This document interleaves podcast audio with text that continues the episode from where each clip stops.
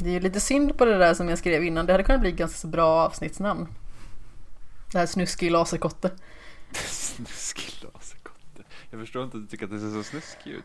Mm. mm, säger du och fortfarande inte specificerat varför du tycker att den ser snuskig ut. Nej, men jag tänker inte Vad säga som, det. ser- vad är det som ser så snuskigt ut med den? Det ser så hemligt ut när den liksom, när det kommer laser. Är det lasern du tycker är snuskig? Sättet lasern kommer ut på.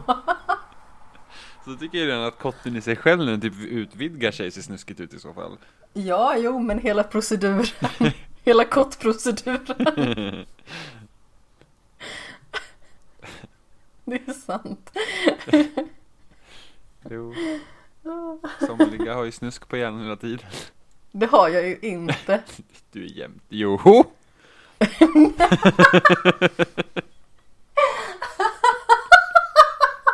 Vad är det här för påhopp?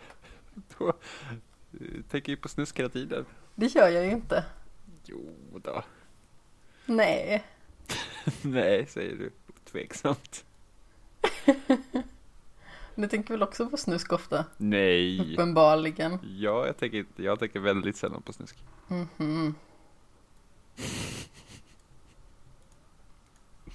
Ja. Varför skulle jag tänka mer på snusk än vad du gör? Varför skulle du inte tänka på snusk mer än vad jag gör?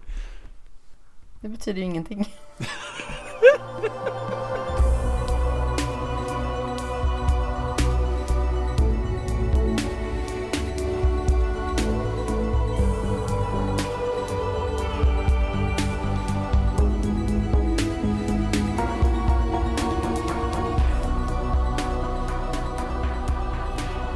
Hej och hjärtligt välkomna till den 32 episoden av Skämshögen med mig Amanda Sten och på andra sidan skogen sitter Jimmy Seppele.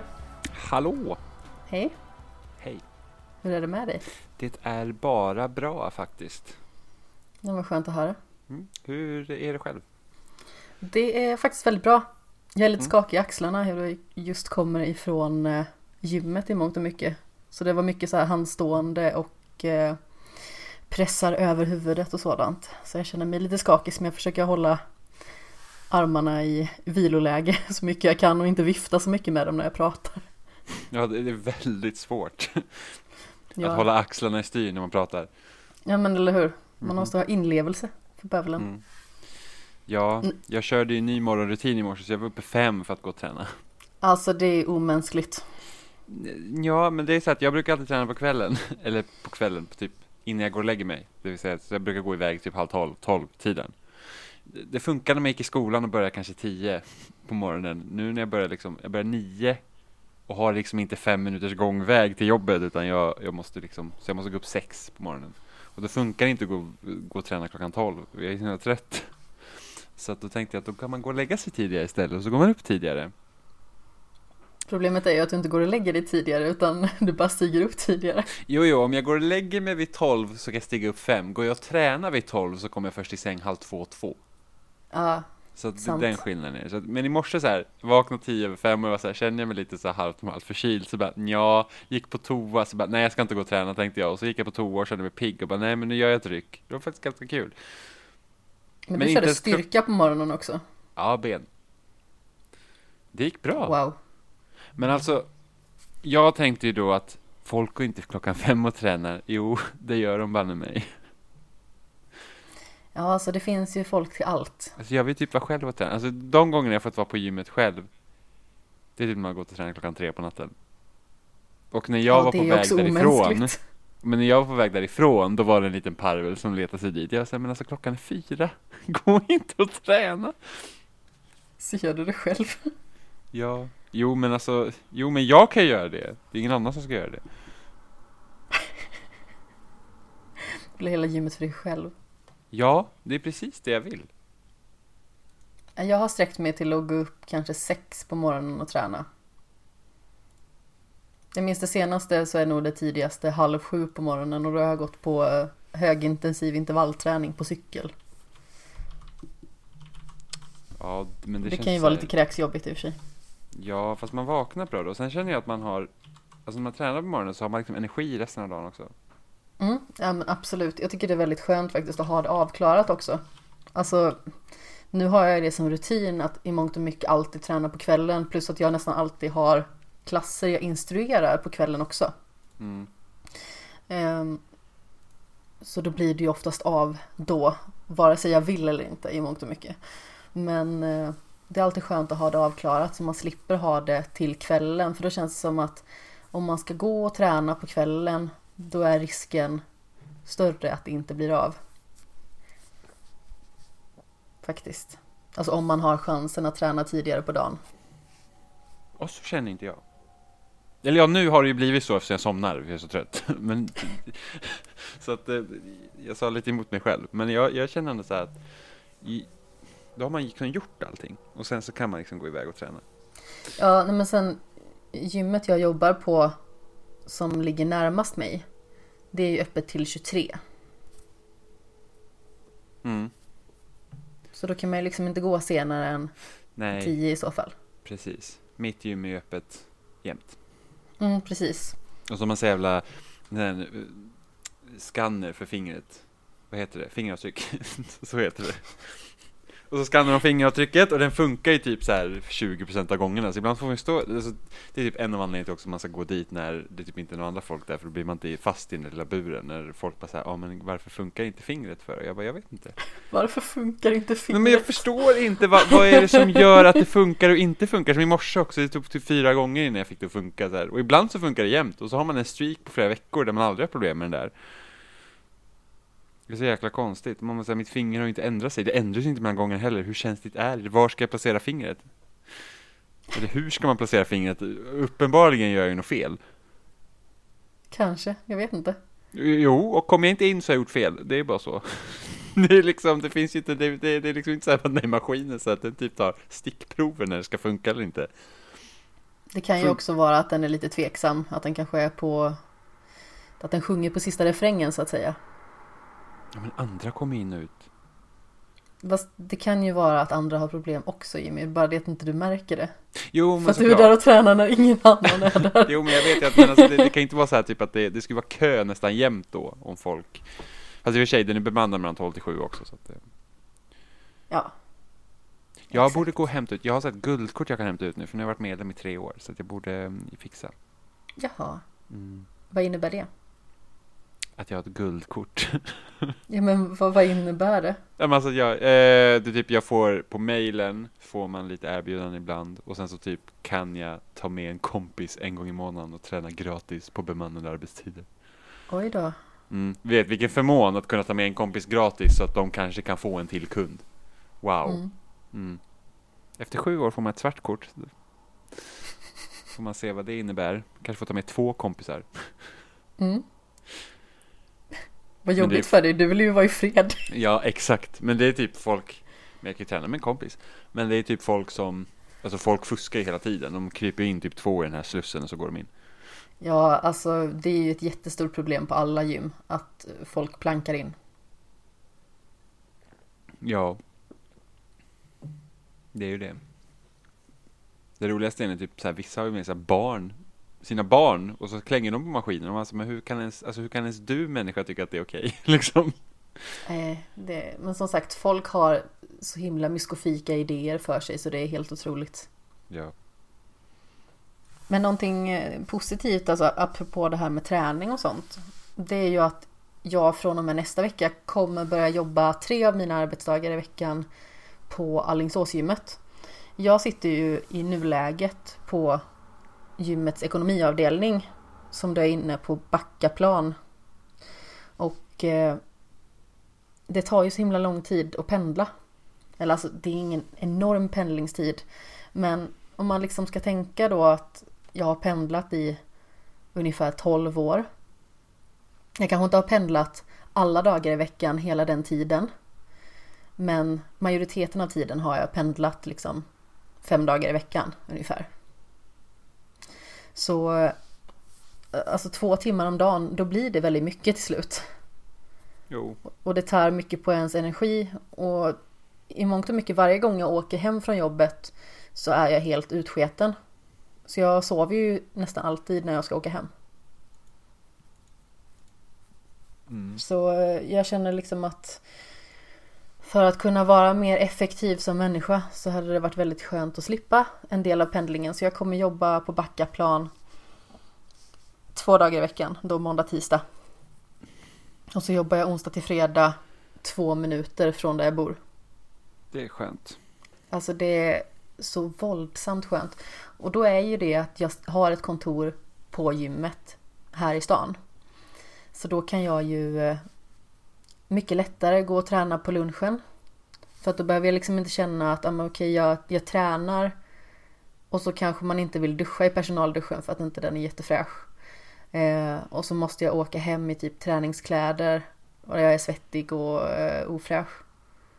Utan då kan jag liksom bara gå hem efter jobbet och fortfarande ha träningskläder på mig.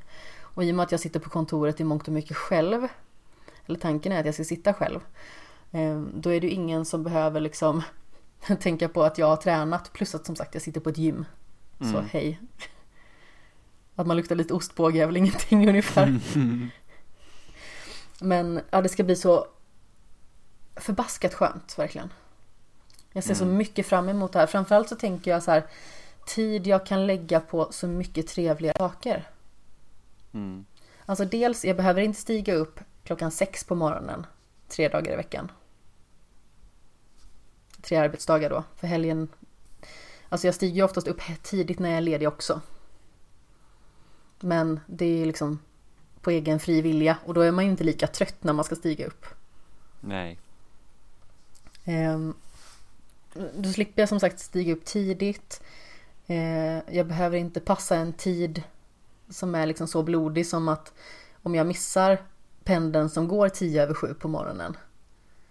Ja men då behöver jag inte vänta en stund på att det ska komma ett vettigt tåg. Alltså det finns hyfsat många anslutningar men Eh, den som är närmast efter bör man ofta stå på. Det är jag inte jättesugen på på morgonen när jag liksom kanske vill sitta och filosofera och samla mig inför jobbet.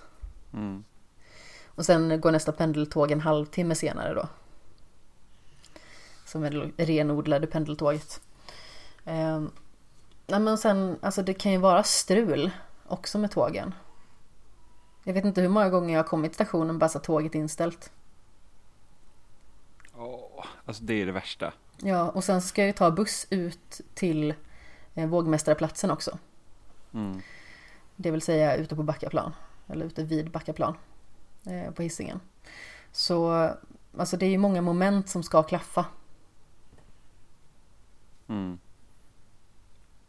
Och dessutom har det ju blivit så att jag tar extra kort lunch.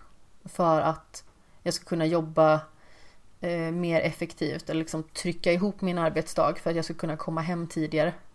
Mm. För att jag ska kunna göra saker. Så nu blir det mycket mer effektivt på den fronten också. Jag behöver inte känna att jag behöver stressa i mig maten på lunchen. Liksom jag har tagit 10 minuters lunch ungefär. Mm. De flesta dagarna. Man behöver oftast mer för att i alla fall kunna andas ut lite grann. Ja, men precis. Så det finns ju väldigt mycket faktorer. Alltså, tänk bara en sån grej att jag kan välja att gå hem klockan tre och så kanske jag har jobbat sju timmar. Alltså jag jobbar ju inte 100% utan jag jobbar någonstans mellan 75 och 80% med mitt mm. analytikerjobb. Eh, och då är det liksom så här, då är jag hemma två minuter över tre om jag går hem mm, klockan tre. Det är skönt. Eh, och då kan jag liksom ha tid till så mycket annat. Jag menar jag har ju många bisysslor eh, som jag eh, investerar mycket av min tid i. Och det är sånt som jag värderar väldigt högt. Mm. Och att liksom kunna ha mer tid till det utan att man kanske behöver sitta på typ pendeltåget och spela på sin switch. Även att det är skönt. Eh, det kan ju vara att man är inne i andra saker också. I och med att jag är en sån periodare så Ibland så är jag jätteinne i att kolla på film. Ibland så är jag jätteinne i att kolla på serier. Och, och sådana grejer. Så då känns det väldigt skönt att man liksom kan, jag vet inte, omfamna sina hobbys ännu mer. Mm. Ja men det är ju så, alltså på somrarna så när jag jobbar liksom, då har jag jättelångt att pendla. Så det tar ju en timme med bara pendeln liksom Mm. 59 minuter. Och sen ibland så när de gjorde om eh, tåglinjen här så ibland måste man byta inne på, centralen och då måste du vänta i 10 minuter så tar det en timme och 10 minuter istället. Och sen Ja. har jag liksom en liten bit att gå från stationen från mig och sen har jag en längre bit att gå från stationen där jag jobbar till jobbet så det tar ja, men en kvart att gå. Så att min pendeltid liksom är nästan så här tre timmar om dagen Ja. under somrarna och det är väldigt mycket. ja, men det blir väldigt tröstlöst i slutändan också för man känner att även att det borde vara en tid där man liksom samlar ihop sig själv och samlar energi så är det faktiskt inte det. Mm. Inte när man har pendlat så länge och så mycket. Nej, verkligen inte. Alltså visst, jag tycker det är skitskönt att sätta mig på tåget när arbetsdagen är slut och bara typ däcka. Mm. Fast samtidigt så hade jag hellre gått hem och tagit en 20 minuters lur i sängen liksom. Och jag tycker inte om att sova på dagen. Jag älskar ju att ta en liten gubbalur. Som den Nej. farbror jag är. Nej, alltså jag, jag är verkligen så här typ att, ja men i och för sig, när jag, när, i somras när jag jobbade, så jag, jag brukar ju sätta med min iPad och ladda ner typ från Netflix, så man kan liksom sitta och titta på det på lunchen, eller så, eller så läste jag ju Witcher-böckerna. Mm. Men alltså jag typ, jag somnade nästan varenda dag. Mm, du ser. Jo men alltså det var liksom så att, jo men man känner sig som ett, jag vet inte, alltså man känner sig verkligen som sju svåra år sedan när man vaknar, det är ju det som är så jobbigt. Jag tycker ju inte om att sova på dagen, just på grund av att man känner sig så jäkla knäpp när man vaknar sen. Alltså man undrar ju vilken planet man är på när man Ja, och vaknar. sen, och sen kommer man liksom aldrig, man vaknar inte riktigt efter det förrän man har sovit sin nattsömn. Jo, det tycker jag att man gör. Nej, inte jag. Jag är liksom såhär, min dag, om jag, om jag somnar mitt på dagen så är typ jag, då, är, då är resten av dagen förstörd. Jag känner mig helt borta. Jag känner mig borta typ en halvtimme. Men sen blir jag jättepigg. Vilket är väldigt skönt. Plus att jag blir alltid så här sovvarm när jag har tagit sån här eftermiddagslurar. Så jag är så här rosig om kinderna när jag har sovit. Det blir varmt, jag, jag, blir, jag blir kall när jag sover. Jag är ju jättevarm av mig och i och för sig du är väldigt kall av dig. I allmänhet. Ja, eller ja, alltså jag har inte alltid varit det, men jag har blivit det. Men alltså även när, förr i tiden så var jag inte varm när jag sov. Ja, Sen beror ju det också mycket på hur sådan. mitt blodsocker ligger. Så att liksom, skulle jag ligga högt en längre stund, då blir jag varm. Då kan man Mm. känna så att fötterna och det är varma. Och sen ligger man, ligger man låg, då är man extra kall istället. Ja men precis. Men eh, ja, men generellt sett så är jag en, en, en kall person nu för tiden. Alltså det är typ, är det kallt på vintern så fryser jag. Ja, äh, ja men det är inte precis som att jag inte fryser. Alltså kontoret jag sitter på just nu. Eh... Min katt snarkar. Herregud. jag blir helt psykad av hans snarkning här, förlåt. Eh, nej men kontoret jag sitter på just nu, på huvudkontoret. Det är så kallt på vintern. Eh, det är ganska så dålig cirkulation i eh, vissa av rummen. Så på vintern då är det så kallt så att fingrarna blir skrynkliga. Oj, ja, det är Ja. inte kul. Nej. Och sen på sommaren då är det så varmt så att alltså nuddar benen varandra då dör jag. Oh. Ja men alltså jag satt med liksom ena foten uppe på mitt skrivbord. Jag är ganska rörlig, framförallt ena eh, höftöppnaren sidan. Så då la jag upp mitt vänsterben på bordet för att jag liksom inte skulle få mina lår att röra vid varandra. Så satt jag och jobbade så. Och så kom min chef från eh, försäljningsavdelningen förbi och bara Ser gött ut du? Och man bara Ja. Vädra lite. Ja, nej, vi hade så himla bra AC på mitt jobb så att det var ju Det var ju typ att när man inte jobbade så var det typ så här att Fan vad synd. För att det var så fruktansvärt varmt. Ja, förra sommaren var ju dock det värsta jag varit med om på länge. Ja, nej men det var ju inte, alltså det var ju verkligen så att det är inte kul längre. Jag kunde ju inte sova. Nej, nej alltså man såg jättedåligt, alltså man, usch. Nej men alltså, Jag man sov kände typ verkligen inte alls. Alltså det var verkligen så att man kände så att efter typ några veckor, man, det är inte roligt längre. Det, det är liksom, det, det är hemskt Jag sov så dåligt den sommaren så jag har minnen av att jag nästan somnade på jobbet. Oj medan jag jobbade. Alltså jag var helt färdig verkligen. Jag var Mm. så trött den sommaren. Och vi var liksom inte så många heller just i den perioden när det var som varmast. Mm. Vi var, jag tror att vi var fyra på kontoret. Fyra personer av ungefär kanske 20 som brukar sitta där. Eh, Så det var ju liksom inte så himla livat heller. Plus att jag satt själv. Mm. Så jag var ju verkligen helt bortkollrad. Men eh, förra sommaren då fick jag ju liksom gå ut och ta promenader mitt i natten. Jag gick ju ut typ vid midnatt. Och bara gick. eh, Och satt och eh, doppade fötterna i sjön. Mm. Så jag kunde liksom inte förmå mig att, att somna. Det, det gick bara inte. Nej, nej det, ja, men det är så jävla svårt att, svårt att sova när det är varmt också. Mm, men nu har jag en AC i min lägenhet. Det är skönt.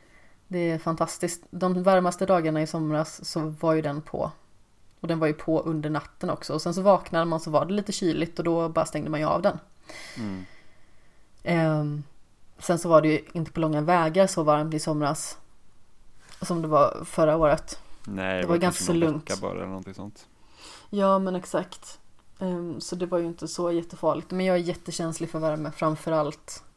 Alltså jag menar är det kallt då kan man alltid klä på sig och man kan bylsa på sig filtar och fasen vet vad. Men när det Mm. är varmt man kan liksom inte krypa ur sitt eget skinn. Nej, det, det är lite svårt. Lite grann. lite sådär krångligt. Ja. Men jag tänkte, vi har ju pratat en del om eh, ja, så här rutiner när det gäller så här, träning och mat och, och dylikt. Eh, och sova. Eh, och vi faktiskt fick eh, en fråga från eh, Spela med David på Instagram. Eh, som jag tänkte att vi skulle diskutera. Det lär väl bli en stund avstickare på den också. Men han skriver som följer, lite personlig fråga kanske, men skulle jättegärna vilja höra hur det ser ut för dig snedstreck er när det kommer till sömn och mat kontra mediekonsumtion. För själv kan jag känna hur mycket man än planerar och avsätter tid så är det alltid de mest grundläggande sakerna som sätter käppar i hjulet. Laga mat på grund av att man måste äta samt ha matlådor till jobbet. Sova för att orka jobba så att man får pengar eh, så man kan spendera dem på skojigheter. Hur ser era scheman ut? Hur löser ni mat, sömn, tid med partners, snedstreck familj för att hinna med att plöja serier och långa spel? Tack och förlåt. Mm. Vill du börja kanske? Ja, alltså det, det beror lite på hur. Jag som har varit, eller är, studerande har ju liksom väldigt mycket tid å andra sidan. Eh, ja, inte nu, nu praktiserar jag så att då, då, då, då har jag ju faktiskt 9 till 5 jobb ändå. Eh, men men när, när studien är, går så då har man väldigt mycket tid. Ofta är det så här kanske tre, fyra gånger i veckan i skolan där du har kanske två timmars föreläsning och sen kan du göra vad du vill om du inte har något större projekt eller grupparbete. Då måste man ju såklart göra. Men då, då har man mycket mer tid så då är det väldigt så här att ah, man kan göra lite vad som helst. Uh, när jag jobbar, under, och då är det mest liksom under somrarna och som sagt då sa jag att jag hade väldigt lång pendlingstid också så det blir inte så mycket. Och speciellt inte när man jobbar i butik för då har man också oregelbundna arbetstider så du jobbar inte måndag till fredag utan du jobbar ju liksom kanske tre dagar ledig en dag, jobbar tre dagar ledig en dag, jobbar tre dagar ledig två dagar eller något sånt. Och ibland så kanske du jobbar åtta dagar i rad. För att det är så det funkar när man jobbar inom butik. Eh, då blir det Precis. väldigt mycket mindre spelande och då är det så att man orkar liksom inte heller. Alltså speciellt när det kommer till spel. Då, så under somrarna så blir det mer så här serietittande, att man, liksom, man kommer hem, du orkar inte göra något annat, du slår på någonting på Netflix och så liksom sitter du med typ och pillar i naveln och äter eller någonting sånt. Det här var typ jag dig. förra veckan. För jag var så utsketen förra veckan. Jag vet inte riktigt varför, men jag var så himla trött. Och jag tror nästan inte jag rörde mitt spel under hela arbetsveckan. Jag spelar just nu The Outer Worlds. Mm. Men den här veckan så har jag mycket mer energi. Alltså dels tror jag för att jag fick liksom ett positivt besked. Så att jag känner att ja, men nu är jag på topp. Sådär. Mm. Eh, dels så ja, men, jag har gjort lite aktiva val den här veckan också. Som att jag, jag bokade om en klient som jag skulle haft i måndags. Eh, så att jag kunde komma hem till Alingsås vid fem istället för halv tio på kvällen. sånt gör en del. Mm, verkligen.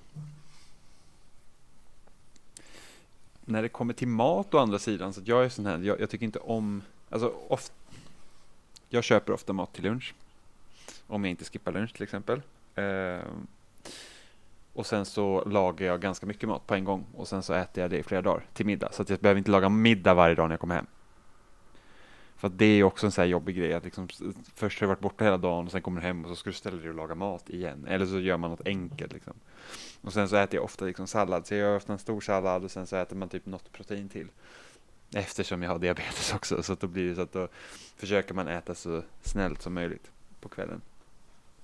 Eh, ofta så kan det vara. Ja men precis. Man planerar, för det är inte kul att komma hem och behöva laga mat varenda dag. Nej, och alltså framförallt som både du och jag, vi bor ju själva. Mm. Och att laga mat till sig själv, det är inte skoj. Det är liksom bara, ja vad gott mig själv, tack så mycket. Det Ja, känns så deprimerande när man Ja, har men- lagat någonting som man tycker alltså är genuint riktigt gott och så har man liksom ingen som äter det. Förutom en själv. Nej, man bara såhär, ja. Typ lyxen till sig själv på sin höjd är typ tacos, liksom för att det är gott. Alltså jag kan väl i ärlighetens namn säga att när jag får lite eld i röven ibland då lagar jag alltså saker som jag verkligen tycker mycket om och då får det ta tid också. Men då kanske jag gör annat samtidigt. Ofta så gillar jag ju när såser reducerar länge eller när man eh, gör saker som, som tar lite längre tid för att kunna bygga upp mycket smaker i maten och sådär. Men alltså när man kommer hem klockan halv tio på kvällen. Man är inte jättesugen på att göra det. Jag ställer mig liksom inte och rullar i egna köttbullar eller någonting sånt då. Utan då får det typ bli så här, ja men jag lagade mat häromdagen och jag har fortfarande en matlåda kvar. Jag tar den så får jag typ köpa lunch eller någonting imorgon.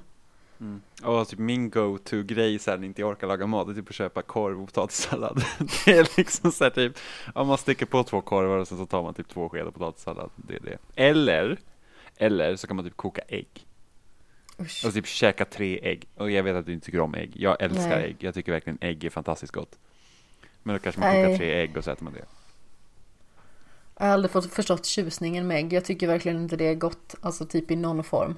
Åh, det är så gott. Omelett, stekt ägg, kokt ägg. Det är jättegott. Nej, Äggröra. nej. Mm. Ägghalvor med, med typ kräftor och Bra, allergi. på. Nej, ja precis. Det, är- det är liksom, och du tycker inte om fisk i småhuset heller. Men alltså jag älskar verkligen ägg. Jag tycker ägg, ägg är typ supermat för det är så gott. Alltså jag hade velat tycka om det för att Mm. det är ju väldigt nyttigt. Ja, så är det. Men Så jag brukar eh, ofta, det går här, inte. När, jag, när jag är hemma så brukar jag ofta äta till lunch. Då brukar jag äta typ så här, två ägg och sen en burk tonfisk. Alltså det är så här äckligt plus äckligt verkligen. Nej, Jag gott känner är så hur magen bara så här vänder sig ut och inne här nu. Nej, men alltså så här. Äter man tonfisk i vatten, då kan jag också känna så att nej, det ska vara tonfisk i olja. Och ja, om man köper så här burktonfisk. Nu ska man typ inte köpa burktonfisk om man typ bryr sig om fisk. För att det- det är inte så bra, men eh, gott är det. Mm, Typ tonfisksallad. det får du tycka. Så finns det någon annan röra så här, typ tonfisk, majonnäs och så har man majs i som också är jävligt gott. Hmm. Så det blir väl extra sötman då liksom. Ja, och inte på det, så det blir typ, ja men precis, du får lite sött av majset och sen så har du syrligheten från majonnäsen. Mm. Om det är en bra majonnäs. Det värsta är typ man köper majonnäs och så smakar den bara olja. Och man bara, vad har hänt här? Jag har inte smaksatt det med någonting. Det är typ ägg och Vad olja. har hänt här? Ja men det är så, alltså det ska inte bara smaka, eller typ om man köper en bearnaise och så smakar den bara fett. Det är också, var är dragonen? Liksom. Ja men Så så de det- flesta bearnaise som man köper det är ju liksom bara med smak av smör typ. Ja, alltså jag tycker om Lomander köpte bearnaise, den är faktiskt väldigt god. Men typ om man tänker så här typ Jag är ingen bearnaise-person, ska ju villigt erkännas. åh, det ska vara kall bearnaisesås. Eller alltså, det, det är gott när man väl äter det. Men det är inte precis som att det är någonting som jag köper hem frekvent. Så. Nej, inte jag heller. Alltså, jag, är mer förtjust i kalla såser och ofta köper jag typ, jag brukar köpa, Jag är förtjust i all sås. alltså hellre kalla såser än varma såser. För att jag känner att varma såser blir ofta jättemäktiga. Allt blir bättre med ost och sås. Eh, ja, faktiskt. Alltså sås är väldigt gott. Men ofta när jag Ett lagar mat, ordspråk att leva efter. ja, men ofta när jag lagar mat hemma själv så ibland så bara, alltså ofta räcker det också typ någon sked så här, turkisk yoghurt att på sidan. Det är jättegott Ja. typ att äta så här, typ, men man lagar typ lax och så äter man det med sallad och så har man liksom en klick turkisk yoghurt i. Det är, det är gott. Alltså om jag har någon så här snabb sås som är kall som jag bara ska göra då brukar jag i mångt och mycket ta crème fraîche och sen så blandar jag ner sriracha i. Mm. Det tycker jag är gott. Vad har du helst i tacos? Är det crème fraîche eller är det gräddfil? Det spelar egentligen ingen roll. Crème fraîche har det alltid blivit. Okej, jag kör ofta gräddfil för att gräddfilen är lite surare. Alltså sur, syrligare för att crème fraîche smakar inte så mycket. Den är rätt tydlig också i och för sig. Inte i jämförelse med gräddfil. Då tycker jag typ att då, då är så här typ Alltså då är crème fraîchen ganska mjäkig. Sen, sen är det ju så fördelen med crème fraîche att du kan, ju, du kan ju värma den. Det kan du inte göra med gräddfilen, den skär ju sig. Ja men exakt. Eh, och just det att du kan ju tjocka till en sås med crème fraîche om du inte rör den för mycket för det blir en tunn. Men då är det bara att ha den i kylen sen. Så tjockar den till sig igen. Mm. Så nu man lagar typ köttfärssås som haft crème fraîche i den och sen så när man tar ut den i bunkern och varit i kylen under natten så är det bara en stor Då kan man döda klump. någon med den. Ja, för det är typ så här, ja, här är, här är ett block sås, eller så här block köttfärs, Minecraft-mat liksom. eller något, jag försöker fundera på om jag har liksom någon mat som jag brukar återkomma till när jag ska göra någonting så här snabbt och smidigt. Ja men det har jag ju. Wraps. Ja, just det. Då eh, brukar jag ha liksom antingen kyckling eller kanske halloumi eller liknande. Fast, fast då, om du har kyckling i din wrap, då måste du ju tillaga kycklingen och då har du redan ett moment. Sant förvisso, men det kan ju vara att jag faktiskt har liksom gjort det tidigare. Ja, precis. Ja, jo, okej. Jag så att typ Att jag liksom har några färdig eh, grillade filéer liksom som jag bara Mm. skivar upp och värmer. Då. Men Sen kan man ju köpa färdiggrillad kyckling också från typ Ica, något sånt där som de har. Helt klart. Mm. Jag vet inte, jag tycker att det smakar mycket godare när man själv har gjort det och marinerat och haft sig. Jo, för att den marinaden som ofta brukar finnas på Ica, den här typ röda såsen de kör, den är väldigt salt. Alltså väldigt, väldigt salt. Mm, kanske det. Jag har nog inte reflekterat över det i och med att jag ofta gör saker själv. Mm. Men eh, kalkon är väldigt gott att ha i wraps också. Ja, där. Kalkon är väldigt gott. Alltså jag gillar ju mat överlag, så att alltid, ofta så här säger någon någonting så jag bara, mm, det är gott. Jag är ju så extremt kräsen däremot. Så, så extremt kräsen är du faktiskt inte. Det är jag ju. Nej, det är du inte. Jag har beträffat betydligt värre personer som i princip inte äter någonting. Det är kräsen. Okej. Alltså, när jag lärde känna Robin, som är min, min bästa kompis, han åt inte ens pasta. Ja, det är faktiskt konstigt. Att du ens vågade umgås med honom. Svågare. Ja, men, sen, men det var att han är ju artig också, så att hemma hos oss så fick jag lära sig att käka pasta, för det var i princip det enda vi åt. Det var typ så snabbmakaroner och falukorv. Det var ju liksom så här, ja, det, det, det åt vi igen, så att, så att han, han har ju lärt sig tycka om pasta efter det, men han, han åt liksom inte pasta. Alltså han åt typ potatis. Det var det han åt. Chorizo brukar jag ha i wraps för övrigt ibland också. Men det är väl inget fel. Alltså, det låter ju som en sån här lyxig tunnbrödsrulle. Ja, ungefär så. Alltså tunnbrödsrulle är skitgott. Alltså typ så här, alltså bara mos och korv i. Och så typ senap och ketchup. Och kanske lite bostongurka om man vill lyxa till det. Och typ isbergssallad. Alltså det är skitgott. Alltså typ, det finns ett ställe där man typ har tävlat uppe i typ Dalarna eller någonting sånt. Som har så jävla goda tunnbrödsrullar. Och jag kommer fan inte ihåg vad det heter nu. Men det var skitgott. Det var typ så här höjdpunkten man ska åka hem. Att vi stannade där och äter tunnbrödsrulle och de var så här skitstora. Någonstans Typ- i Dalarna. Ja, alltså när man åker från, alltså det måste ligga typ, alltså vad fan kan det heta? Jag måste googla. Jag ska googla så här, tunnbrödsrulle Dalarna, det måste, alltså det måste ju vara känt. Så om ni är från Dalarna, ni som lyssnar där ute, någon av er fyra, så kan ni väl höra av er ifall ni vet vilket ställe som Jimmy syftar till. Lappens! Oj! Eh, Lappens grill heter det. Höll på att Alltså, trilla bakåt i kungstolen. ja men det, Lappens heter det. Mm, så himla gott. Ligger i, gud vilken dålig hemsida de hade. Alltså det här, det här ser typ ut som något från 2004. Jobbar du med media eller? Det gör jag. men det här, Hedemora ligger i. Hedemora, ja men där har jag varit och spelat tävlingar flera gånger.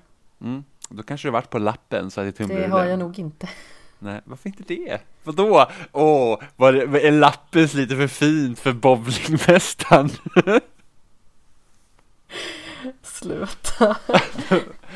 Nej, vi hästfolk, vi fan, alltså det var liksom så här, vi käkar lite vad som helst. Sig, Ja men alltså allvarligt liksom. talat, bowlare är ju väldigt mycket så här husmanskostpersoner så jag skulle nog inte säga att eh, några bowlare skulle fnysa åt korv eller dylikt. Okej, nu känner jag bara, nu känner jag lite så här att när du sa först att ni var husmanspersoner så lät det typ som det finaste i världen och sen ändrade du det till som att, ja, vägkrog. Ja men alltså när man liksom går in i en bowlinghall och ska beställa mat då är det ju antingen det här klassiska typ så här, ja men pommes frites, hamburgare, kebab, alltså den typen av mat. Eller så är det väldigt typisk husmanskost, typ korv och ägg och stekt potatis. Alltså den typen av mat. Alltså eftersom jag är så utbildad kock nu så husmanskost det är ju verkligen liksom, alltså det är, det är, alltså svensk husman det är fin mat. Är vad jag lär Det mig. kan vara. Du, du pratar om så här vägkrogsmak som typ så här lastbilschaffisar äter. Ja, men i mångt och mycket. Ja. Fast jag ska faktiskt erkänna att eh, när jag tränade inne i Frölunda Super Bowl då Mm. hade de ju väldigt mycket så här husmanskost. Och de hade faktiskt jättegod sådan. De lagade liksom allt sitt från grunden. Alltså även liksom köttbullar och pannbiffar och den typen. Och det var faktiskt suveränt. Måste jag säga. Mm. Sen tävlar man typ, om man tävlar lite mer norr så stannar man vid Tönnebro värdshus. Var ligger det? Eh, det ligger eh, mellan Gävle och Söderhamn. Jaha, Okej, okej. Eh, och det var typ Gävle har jag vunnit en gång på eh, strikeout. Ja, så, jag har också vunnit lopp i Gävle, men travbana Aha. då. Alltså okej, och när Jag jag, sa typ så här, och när jag sa typ att så här, eh, hästfolk är lite sunkiga så menar inte jag ridsport, för de är väldigt snobbiga istället.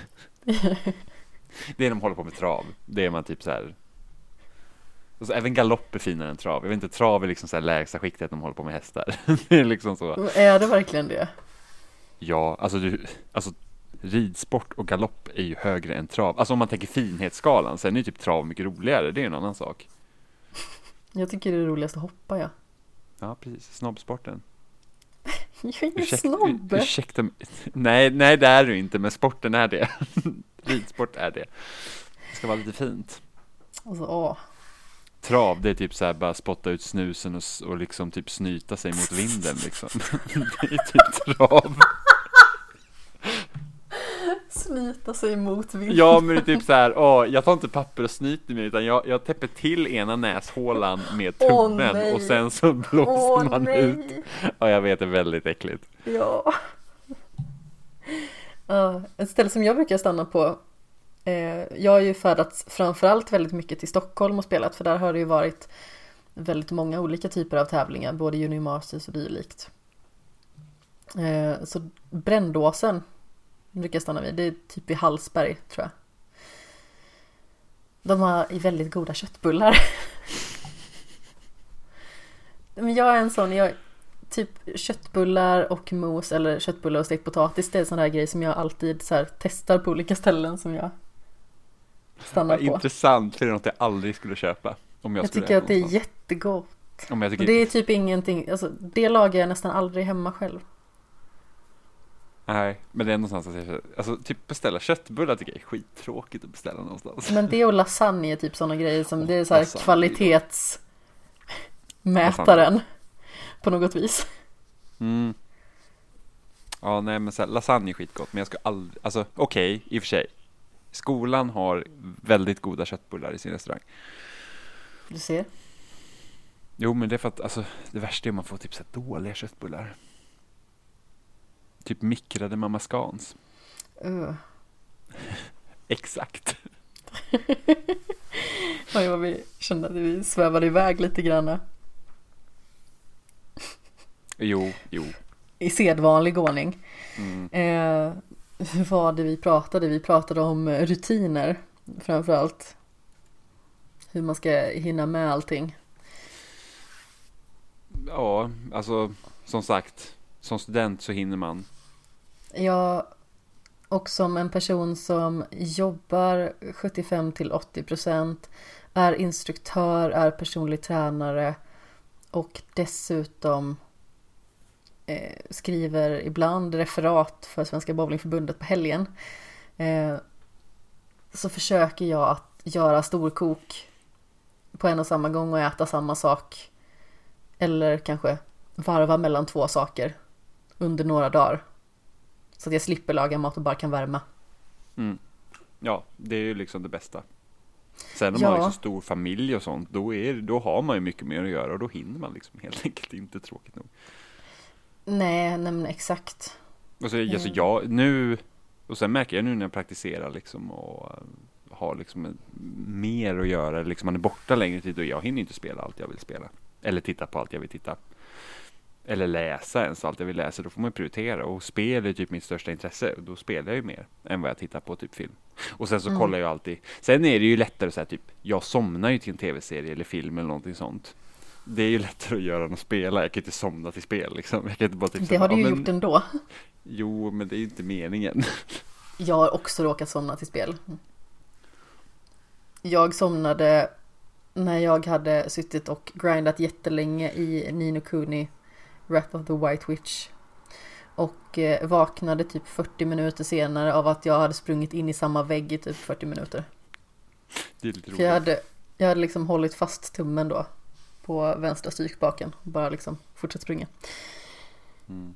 Svart. Senast jag somnade när jag spelade var när vi spelade Borderlands 3. Jag somnade när vi klarade sista bossen, så jag såg typ inte sista cutscenen. Det är väldigt roligt faktiskt. Ja, jag vaknade dock till eftertexterna och det var typ den ostigaste låten som de kunde välja med tanke på hur spelet slutade, vilket jag inte ska spoila nu för att det är inte så gammalt det spelet.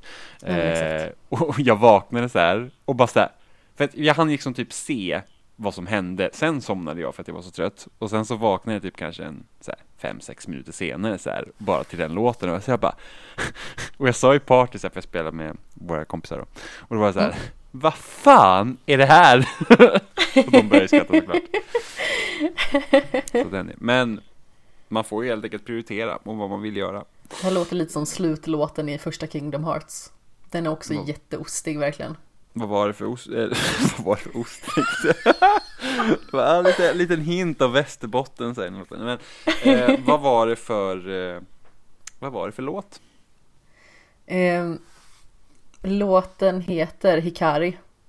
Eh, och det är inte den orkestrala versionen utan det är popversionen då. Oh. Eh, Simple and Clean tror jag att den heter på engelska. Mm. Lyssna på den sen. Eh, det kan bli intressant.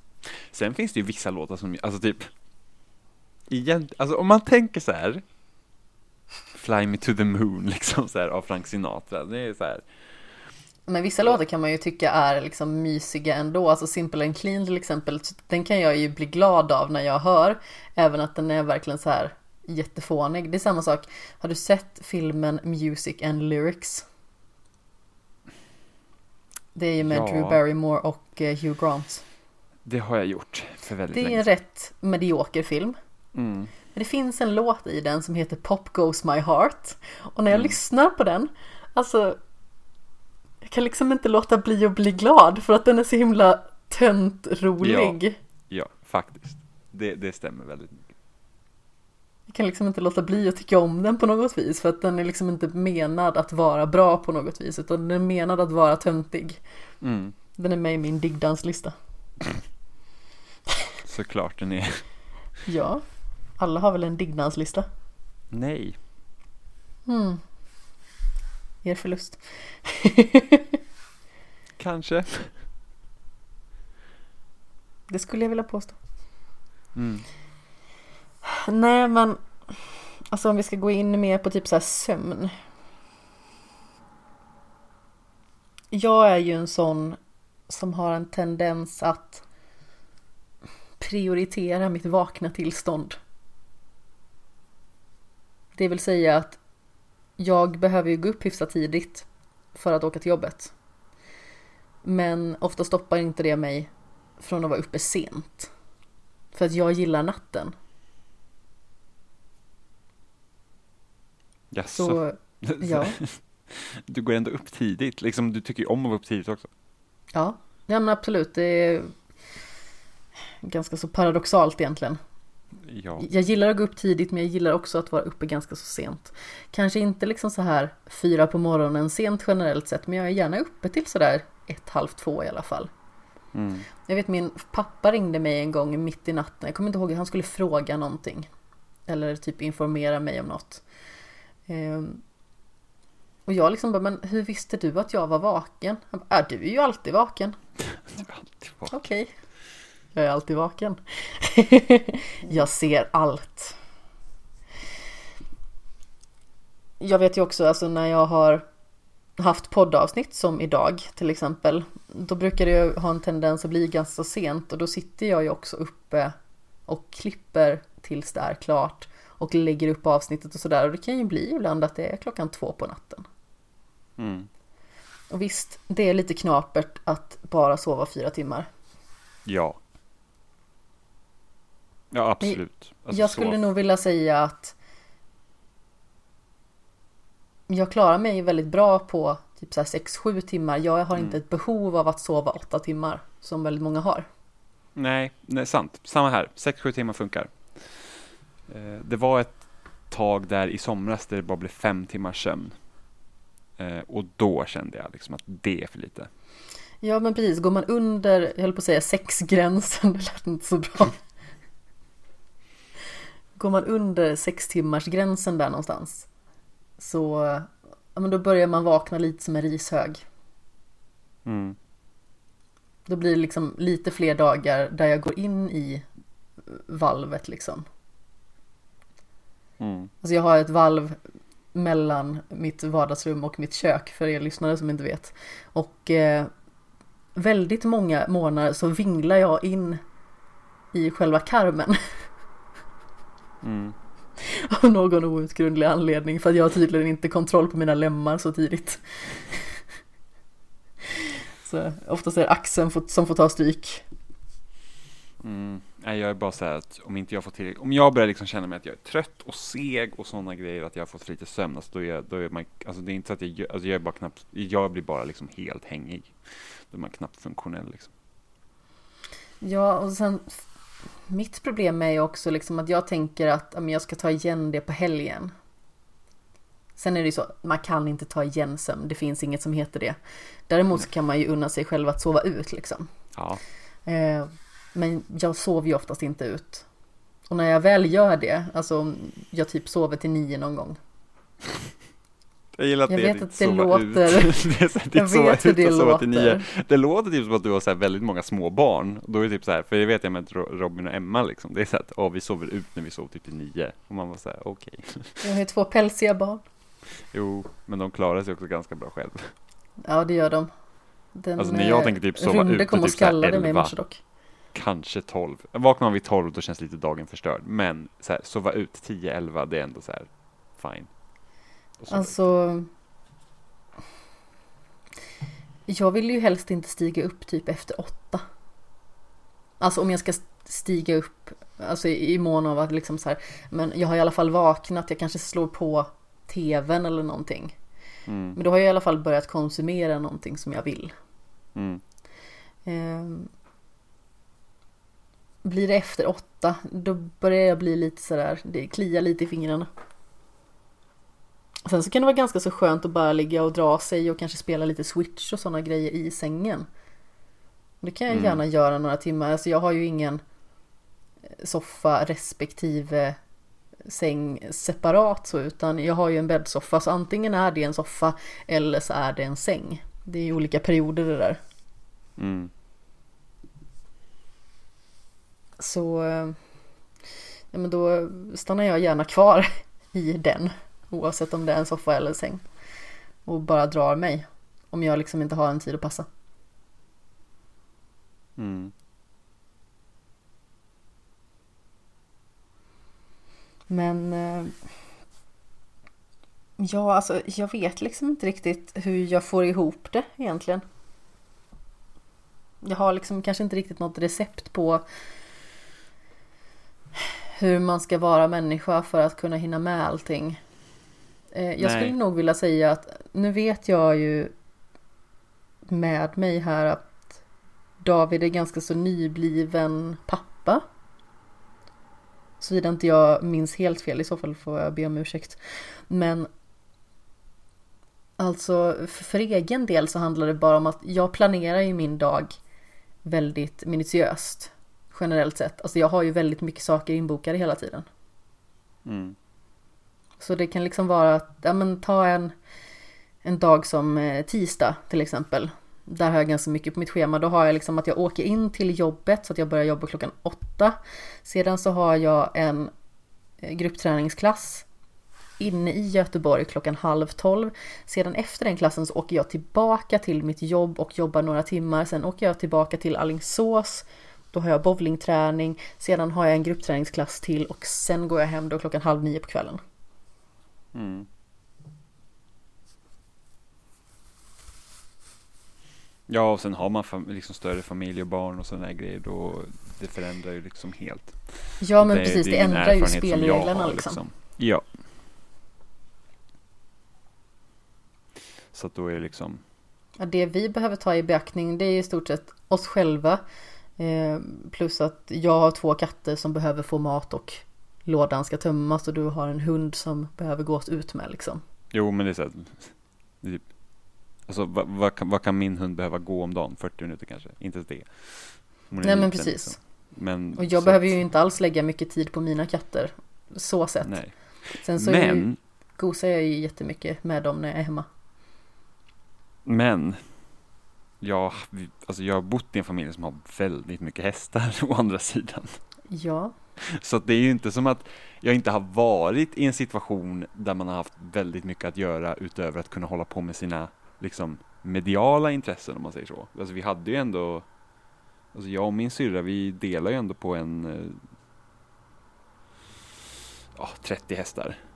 Mm. Vi hade ju typ 15 var som vi tränade och tävlade med. ja, Och det tar tid. Så det var liksom, plus skola.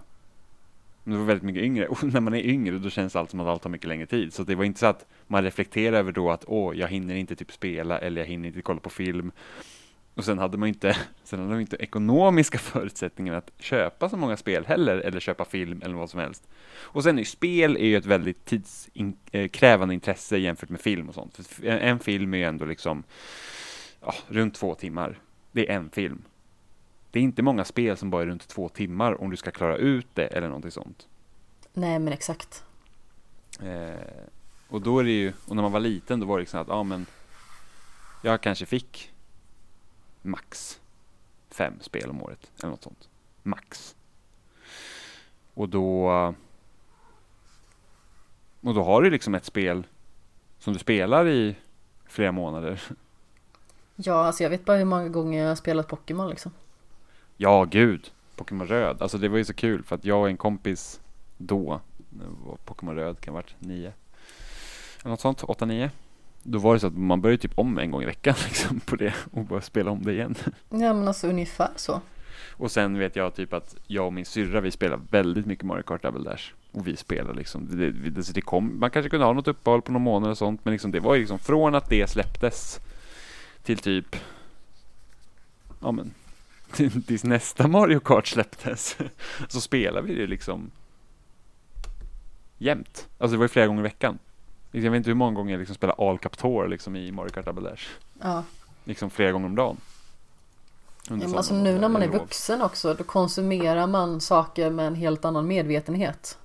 Ja. Alltså dels är jag ju en sån, jag listar ju alla mina saker som jag konsumerar.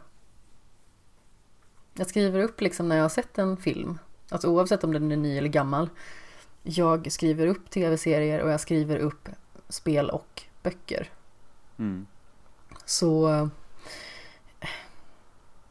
man har en helt annan medvetenhet om tiden som man lägger på saker. Alltså förr var det liksom bara att, ja men okej du flöjtar in några timmar Sims här och du kollar på en serie där. Medan nu är det typ så här att, ja men nu när jag kommer hem då ska jag se det här avsnittet av den här serien eh, och sedan det här avsnittet och sedan så ska jag spela den här tiden mm. tills jag går och lägger mig ungefär. Mm. Det blir mycket liksom mer systematiskt på något vis. Ja, Sen så gillar jag ju planering och jag gillar liksom jag vet inte noggrannhet i allmänhet. Så jag tycker ju att det är väldigt skönt att se vad jag gör med min tid. Jag minns att jag pratade med Tobbe Fix om det här. Att eh, det är väldigt så här skönt nästan att få typ ett kvitto på vad man gör med sin tid. I vissa perioder kan det naturligtvis vara stressande om man liksom inte konsumerar lika mycket. Men samtidigt så tycker jag att det liksom är väldigt skönt att se, okej, okay, vad är det jag gör när jag sitter och spelar eller kollar på saker? Vad är det liksom jag har konsumerat under året? Mm. I synnerhet i och med att jag brukar skriva en form av årskrönika. Där jag liksom listar också eh, i eh, rangordningssyfte. Mm. Jag tror enda jag liksom känner så här, jag tror till viss mån kan det vara så ibland serier, jag känner åh oh, men den där säsongen skulle jag vilja se eller det där liksom så. Speciellt när det kommer ofta mycket Netflix-grejer.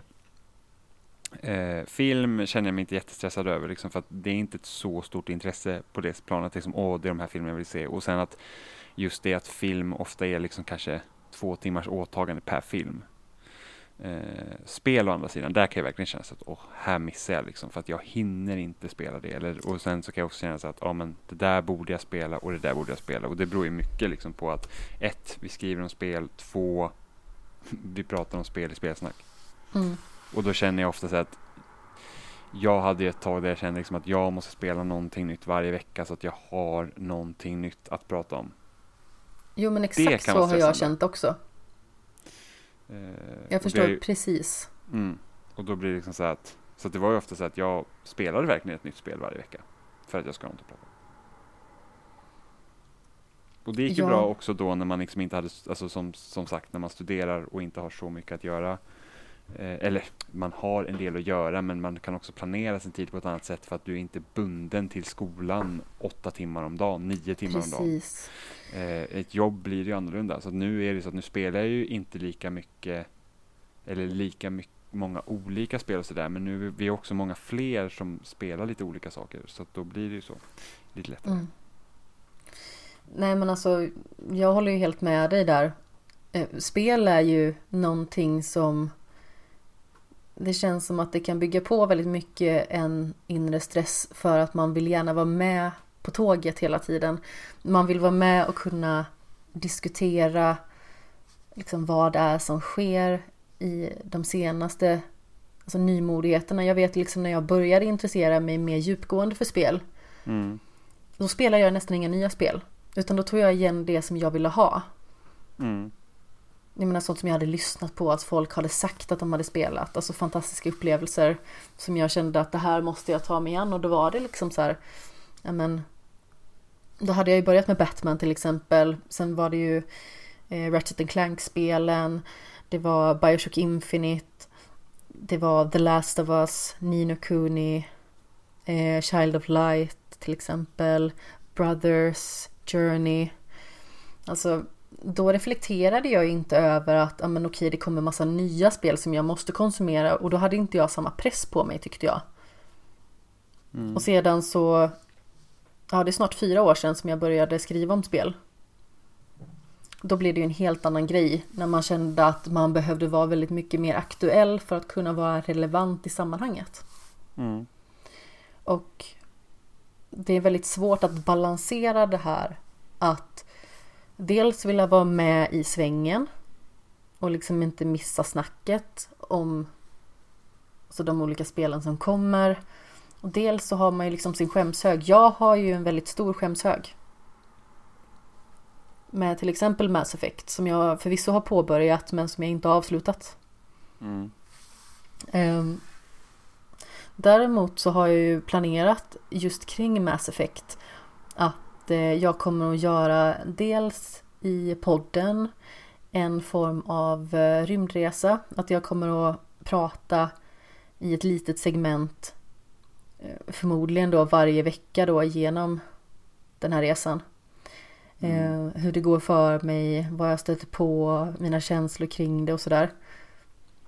Så det blir mer som en rapport och sedan så på loading där både du och jag skriver så kommer det bli som en liten skämshögsrecension nästan av spelet. Mm. När jag liksom är klar med det i slutändan. Så nu har jag i alla fall någonting planerat för Mass Effect och vad jag ska ta mig till med det. För det är ju liksom en spelserie som jag väldigt gärna vill spela.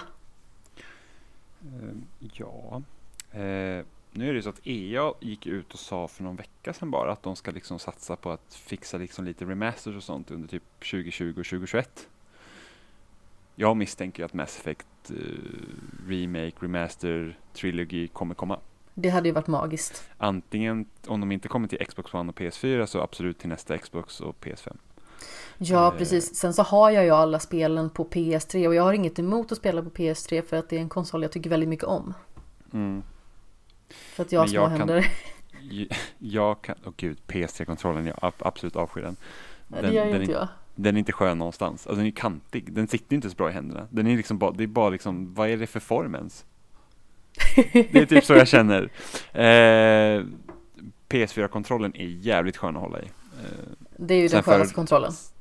Skönast att hålla i, håller jag med om. Jag tycker ju att så som stickorna är placerade på PS4, det är bara fel. Det är inte skönt att sitta med händerna i den positionen. Jag eh, reflekterar inte över det. Nej, men det gör jag. Det är liksom, för mig är det mer naturligt att hålla tummen, att inte behöva liksom gå med tummen långt ner när man håller i en kontroll. För att det är inte naturligt sätt att hålla handen på. Utan naturliga är ju liksom att tummen får vara lite längre upp. Liksom närmare de andra fingrarna. Och, och ofta i spel, speciellt i, i liksom då spel som är 3D, liksom stora 3D-världar, då är det ju ofta så att man rör karaktären på den, den liksom med stickan och då är det mycket lättare att hålla Eh, tummen där. Men medan siktar man med höger, liksom, som man då gör i shooters eller någonting sånt, så använder du den till att sikta liksom, med, med högra tummen. Men den ska ju också använda de resten av knapparna som är liksom på mm. uppe på kontrollen och då, då, använder, då rör man så mycket mer med den tummen så då är det inte lika störigt. Eh, sen om man spelar mycket 2D-spel och sånt, för det vet jag att det var mycket snackisar om att, att på 360 var ju det att det styrkorset var jättedåligt för att det var, det var som en disk snarare än att det var liksom en, en ett kors. Ja. Och, och, då blir det jättejobbigt när man spelar typ eh, 2D-spel om man då vill använda liksom stick, eller inte stickan utan använda Styrskorset. Styr, styr, styrskorset, precis. eh, och då är det mycket bättre på, på PS4 eller PS3 för att de knapparna ligger där naturligt. Mm. Eh, det är en sån grej. Men jag föredrar ju när spakarna är korrekt, det vill säga inte bredvid varandra. Eh, men en sak till liksom att då att eh, vänta till exempel på Mass Effect-trilogin, om de nu gör någon remaster eller någonting sånt, det är det typ att spelen kommer förmodligen köra så himla mycket bättre. För att ettan kan vara lite rough på det sättet att frameraten droppar och sånt. Mm. Sen är det många problem med vissa strider just därför. Ja, och inte bara det, i Mass Effect 1 är det också så att det går ju lite efter den här gamla skolans rollspelande med, med osynliga tärningskast i bakgrunden. Vilket gör att där du siktar är inte alltid där du träffar. För att det är liksom att, åh, oh, men du har så här mycket chans att träffa. Och när man är så pass, och det funkar ju typ om det är ett eh, omgångsbaserat spel där man tar turer och sådana grejer, liksom att det är lite mer åt det, det rollspelshållet. Men när man är mer aktiv som i ett actionspel, då är det inte kul att stå och skjuta och inte träffa skotten. Trots att man tycker att man träffar? Yes. Då blir det lite konstigt. Det, för det är liksom slåss du med svärd och är aktiv inom svärdslag och du ser att du träffar en, en karaktär och missar trots att du slicear svärdet igenom, det skulle vara väldigt frustrerande. Herregud ja. Så att, eh, ja men typ, ett spel som World of Warcraft där du går fram, trycker på en attackknapp och inte slår liksom själv utan karaktären kan liksom autoattackera och du missar så, fine.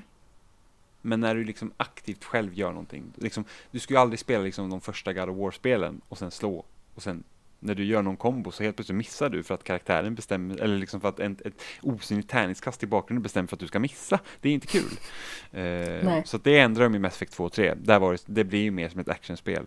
Vilket också många var sura över också för att rollspelselementen blev mer och mer puttade åt sidan. Men man kan göra så mycket annat med rollspelselement förutom strider. Och nu, säger, nu ger inte jag någon så här ursäkt om att, att de nedskalade Mass Effect eh, liksom RPG-elementen var liksom för att åh, de gjorde så himla mycket bättre strider för att man kan sikta och skjuta och, och man faktiskt träffar det man siktar på utan då kan man liksom ge andra så här armorfördelar och förmågor och andra säger som, som borde ha varit med kanske mer av. Men eh, det kan ju absolut vara värt att vänta på att Mass Effect-trilogin eh, remasters. Jag har ju spelat om Mass Effect-spelen väldigt många gånger och eh, jag har varit sugen på att spela om dem men då, då väntar jag ju hellre på en, en uppdatering av de spelen om det kommer. Mm.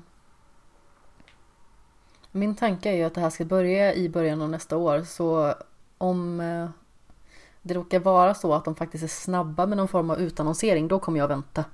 Annars mm. så kör jag igång för jag vill liksom ha det avklarat nu. Det känns som att det här är en spelserie som har funnits i mina tankar så ofantligt länge. Alltså det är ju utan tvekan en av de mest ambitiösa sci-fi trilogier som egentligen någonsin har gjorts, oavsett medium, just på grund av Karaktärerna är ju fantastiska också. Det är de. Men också komplexiteten i att du har dina val som förs över i tre spel och det hade man inte sett innan Mass Effect. Precis. Tror jag. Nu, jag är inte helt hundra säker på om det är någon som har försökt göra någonting liknande tidigare.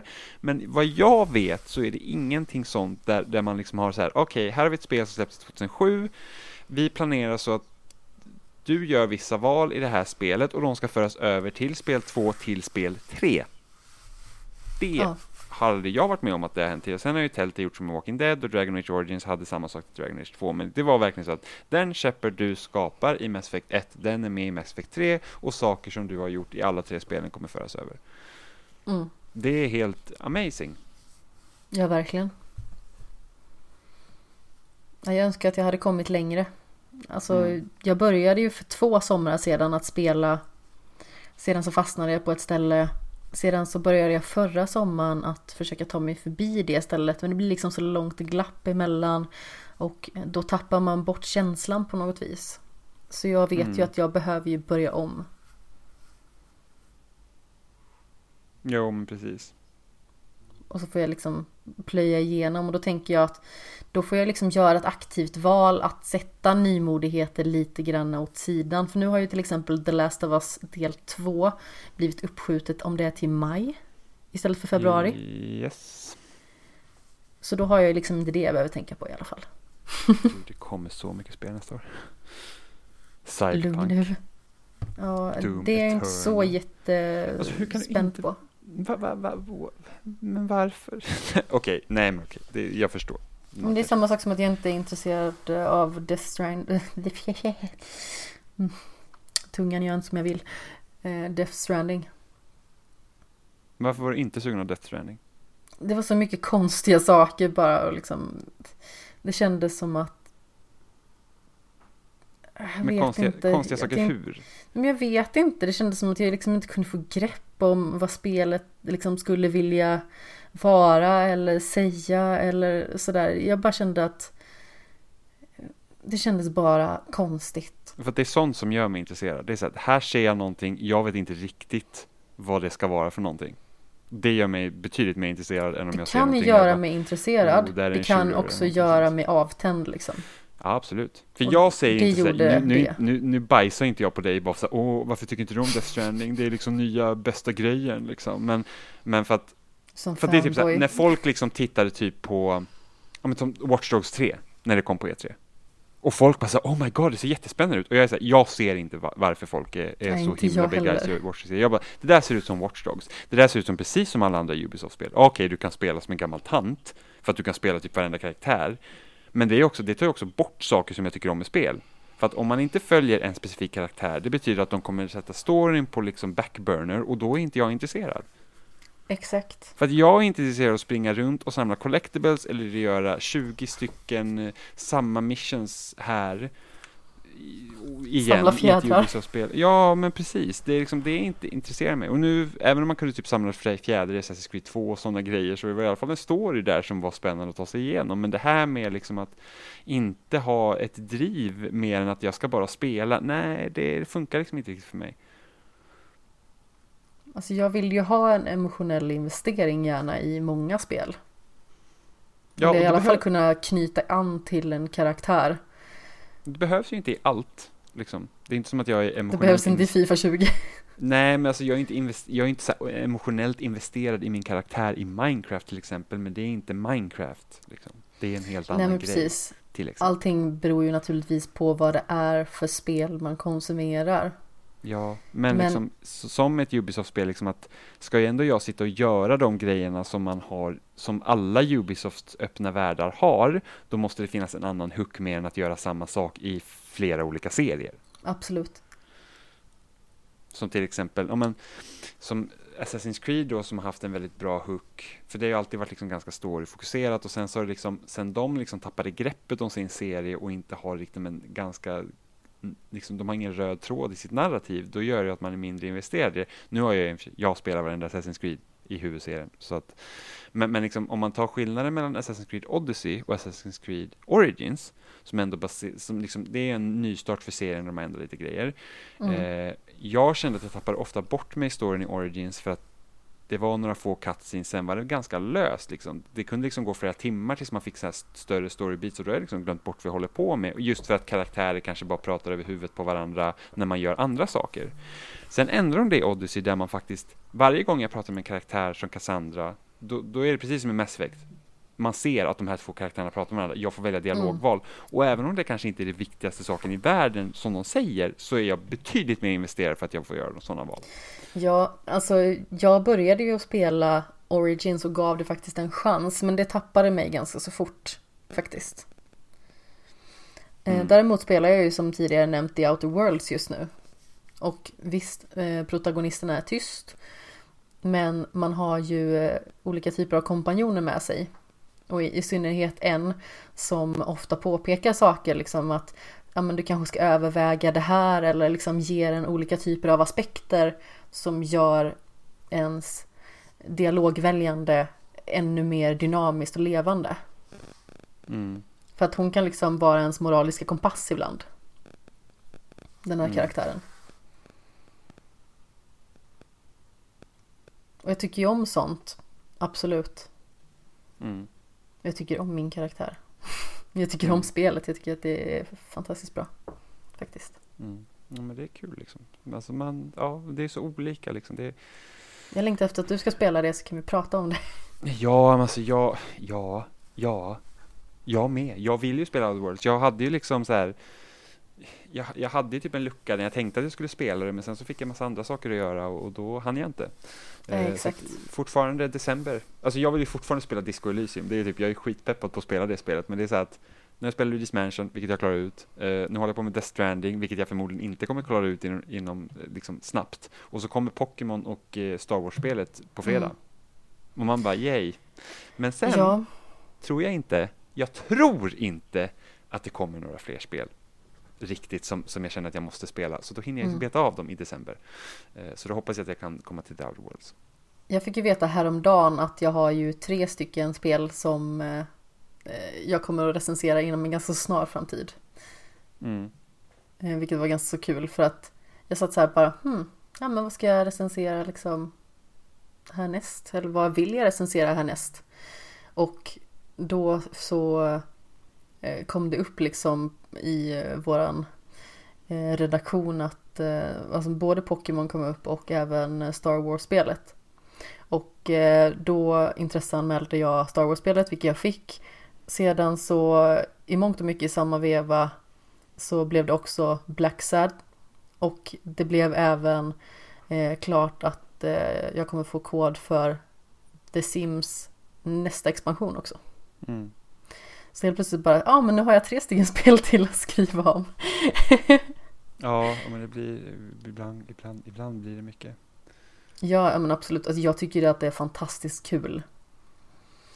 Så eh, det är absolut inte så att det här med att vara aktuell, det är inte precis som att jag tycker att det är tråkigt på något vis. Utan det är bara det att man ibland eh, har svårt att väga de olika faktorerna där liksom. Vill jag vara aktuell eller vill jag lägga fokus på sånt som jag har missat? Mm. Det är en jättesvår avvägning i synnerhet när man faktiskt inom citationstecken jobbar med eh, någonting som alltså, bygger väldigt mycket på sin aktualitet och sin hype och sådana grejer. Mm. verkligen. Men eh, ja, vi har ju eh, förhoppningsvis i alla fall besvarat din fråga David. Du får flika in med fler, fler frågor ifall du känner liksom att du vill ha ut ännu mer. Men tack så mm. jättemycket för frågan. Vi skulle haft med Emma eller någonting sånt eller vi får bjuda in Emma någon gång och prata om hon, för hon är också en nykläckt. Eller ja, den är ett år. Snart. Ja men exakt, men verkligen. Så, hon, så liksom hur, hur liksom hon gör eh, för att balansera, liksom ja. spela och sånt. Sen kan man ju alltid hålla sig aktuell genom att läsa om saker. Absolut. Eh, som till exempel var ju så, så jag läste ju väldigt mycket om spel när man liksom inte hade råd att köpa om spel och sen så jag vet att det är många som kollar typ på Let's Plays. Ja, jo, sant. Alltså jag har en kompis och han liksom, han typ, ja ah, men jag köpte inte Detroit för att jag kollade på en hel Let's Play. Det, det, var, det var ett bra spel. Och man bara, ja, oh, okej. Okay. Liksom. så vill inte jag konsumera saker. Jag tycker inte det är kul att sitta och titta på Let's Plays. Uh, Nej. Jag, jag, känner, jag, det ger inte mig så mycket liksom jag, då kollar jag hellre liksom på så här typ longform kritik av populärkultur. Det kan jag tycka är jätteintressant. Typ så här, eller dokumentärer som Noclip som gör speldokumentärer eller typ eh, Ray Chevik som gör longform videor om olika spel. Eh, det tycker jag är kul att titta på. Men jag liksom sitter inte och tittar på Let's Plays. Jag brukar titta på, när det är Extra Life brukar jag titta på Rebel FMs 24 timmars stream. När de spelar mm. spel. Det är en dag om året. Uh, men annars så, nej, jag, jag känner, jag, jag, har inte lust att titta på när andra sitter och skriker när de spelar spel liksom. Det är väldigt sällan jag gör det också faktiskt. Mm. Men eh, du har kollat på saker Jimmy? Det har jag gjort. Vad har du sett för någonting? Så jag, jag har kollat på Glee. Eh, eller ja, första säsongen och en bit in på säsong två. För att det fanns på Netflix förut och jag har inte sett hela serien. Jag kommer ihåg att när det visades på TV4 så tyckte jag om det väldigt mycket och jag köpte liksom, jag hade typ de tre första säsongerna på box. Mm. Eh, som inte jag tog med mig när jag flyttade för att jag bara, jag kommer nog inte att köpa alla säsonger på den här serien och då, jag vill inte ha någonting som inte är komplett. Så. Ja men det blir, du vet så här att det är typ så här, ja men Alltså kul att ha en, typ tre säsonger av en sex säsongsserie och jag bara, kommer jag köpa de resterande tre säsongerna? Nej, det tror jag inte. Liksom. För så, så intresserad av Glee är jag inte då. Men i alla fall, jag tyckte om det när det kom då. Så nu är det upp på Netflix igen och nu, nu är det dags att slå, slå slag i saken och titta på det. Eh, och för de som inte vet vad Glee är så är det, liksom, det är en musikal i tv-serieformat och så handlar det om eh, en, en klass ungdomar då som går i high school och de är då med i en Glee Club som är då en så här, en sångklubb egentligen och då är man med i Glee Club, då är man liksom inte en av de coola kidsen. Så då blir det liksom mycket så att den här skara människor är liksom lite av de så utstötta på skolan och så hittar de varandra och sen så, ja. Mer udda fåglar. Ja, men i princip. Eh, så den är, den är liksom framad som att vara mer eller mindre inkluderande och den här är från 2009. Så den är tio år gammal nu. Eh, från första säsongen, vilket känns lite weird att den är så gammal. Liksom Visst är Jonathan Groff med? Eller är det i senare säsonger? Mm. Han som spelar huvudrollen i Mindhunter. Ja, han är med i första säsongen. I. Han är med, han har liksom en sido... Han har en, en, en ett sido liksom ark där. Han är så han, ja, han, han, han ser, han ser ju äldre ut i Mindhunter, givetvis. På grund av anledningar, Jimmy. ja, men han liksom, ja, jag vet inte, han är, han liksom, han, han är lite så här, han har liksom blivit tanigare på äldre dagar. Jaså? Ja, men alltså han, han, är, han är liksom lite, han är lite grövre i, i Glee. Jag Ah, tror okej. han är mer, mer vältränad.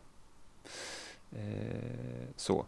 Och sen har han blivit liksom smalare i. Så, så det var liksom kul att se, se honom. Man var så här, oj, han, alltså det var nästan som att han ser liksom, ja men alltså, ja, han såg liksom annorlunda ut i alla fall. Eh, väldigt, han har en ganska rolig roll i, i den serien. Men, men något jag tycker som noterar liksom nu är att den är liksom väldigt inkluderande så här liksom att ja men alla människor som plats, att de har ju en, liksom, en karaktär liksom, som sitter i rullstol och sen så har de Eh, jag vet att det är en karaktär som också kommer in som har down syndrom och lite sådana grejer. Så det, det ska ju vara så här typ så här, ja, the misfitsing som kommer, alla är välkomna liksom. Och de, de leker ofta med de här teman och sånt. Men det man har märkt nu att det är också så här att det är också en specifik av person man kan tycka är välkommen och sen puttar man bort andra. Mm. Liksom, du ska gärna vara attraktiv, Eh, även om de kallar liksom vissa karaktärer fula. De är liksom inte fula in, liksom med, med dagens eh, liksom utseendeideal. Liksom. Mm. Eh, och sen så är är det liksom, ser det ut på ett visst sätt så är du inte välkommen, för då gör man gärna sig rolig, lustig på de, de personernas bekostnad också. Så att det är ju bara för en viss typ av utstötta människor som är välkomna. En, och sen andra människor, de kan vi gärna skoja om. Liksom som, som det kan te sig då. Alltså vi, det har ändå skett en del grejer på inkluderingsfronten också sedan 2009. Ja, oh ja, absolut. Eh, men liksom, det är fortfarande, det får man liksom ta lite i beaktning och sen nu man ska se det med nya ögon så att ja men det är liksom, det är okej på ett visst sätt. Men okej, okej, sam, samtidigt finns det ett ganska fint meddelande i, i det hela liksom. Och det är väldigt kul, alltså jag tycker ju att musikal kan vara ganska kul att titta på också. Eh, samtidigt så finns det ju så här vissa löjliga grejer i Gli också. Man säger bara, ja men det där är lite töntigt, det, liksom, det, det känner jag att vi har kanske växt ifrån lite, liksom på den fronten. Men eh, överlag så tycker jag att det är en väldigt underhållande serie att titta på. Och sen en av de roligaste karaktärerna i den här serien det är ju eh, en av typ gympalärarna så att hon tränar hon tränar skolans eh, cheerleaderlag. Eh, och hon är så jävla, alltså hon, vissa delar liksom helt totalt vidrig person, liksom hennes typ största mål det är liksom att krossa den här Glee-klubben då för att de tar liksom från hennes budget. Ja men de tar från hennes budget till hennes Cheerios och det är typ som, som cheerleaderna kallar det då. Och det är liksom så helt absurda grejer. Det är typ så här bara, ja men vi måste ta lite pengar från din klubb, säger rektorn då som är typ den värsta pushovern. Han bara, men vi tar liksom lite pengar, det är så att de är här liksom, så vi kan liksom allokera de här pengarna till skolan någon annanstans för att ja, skolan behöver också liksom ha pengar till faktiskt undervisning och sånt. Hon bara, nej men alltså jag behöver typ ha mina så här typ spadagar till min cheerleaderlag i Frankrike en gång i månaden. Det är liksom superviktigt för henne. Så så sådana absurda delar. Men den här karaktären hon heter Sue- Sylvester. Hon är alltså, alltså hon är skitrolig. Alltså hon, jag tror hon fick en Emmy för sin roll i den här också. För att hon liksom kan verkligen vara så här typ hon är liksom helt, hon är liksom inte hysterisk, men hon, liksom, hon bara säger sådana saker och det är bara så absurda grejer liksom hon gör, liksom för att typ förstöra den här Glee-klubben. Och sen så samarbetar de ibland också, som han som håller eh, Glee-klubben, han heter eh, Will Schuster. Och ibland så gör de saker tillsammans och de är typ nästan som kompisar och sen i nästa avsnitt så är de typ ärkerivaler och det liksom går helt eh, åt fanders. Eh, men samtidigt så finns det också en ganska, alltså hon är inte en ond karaktär så, det finns ju en ganska mycket värme i den, som att det finns ju en, en av karaktärerna då, han är, eh, han är homosexuell, och då, speciellt i den här tidpunkten så var det absolut inte lika accepterat det heller liksom, så att han blir väldigt mobbad liksom i, i, eh, i skolan. Och då av någon anledning så under det här avsnittet så har hon också blivit rektor för skolan, av någon anledning. Jag kommer inte ihåg varför det var så.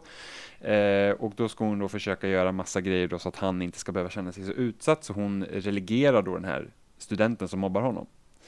Eh, och sen på grund av byråkrati och bla bla bla så kan inte han bli relegerad och sånt och då liksom typ gör hon så att, ja ah, men okej, då säger jag upp mig som rektor. För att jag, eh, jag, eh, jag accepterar liksom inte att, eh, att det ska få gå till på det här sättet. Vi kan inte ha liksom en elev som är osäker i skolan Ja, precis på grund av liksom att någon mobbar. Så hon bara, ja, men då, då säger jag upp mig som rektor så då kommer jag liksom kunna vara med på liksom on the ground så att säga och se till att du inte, liksom att du kan vara tryggare.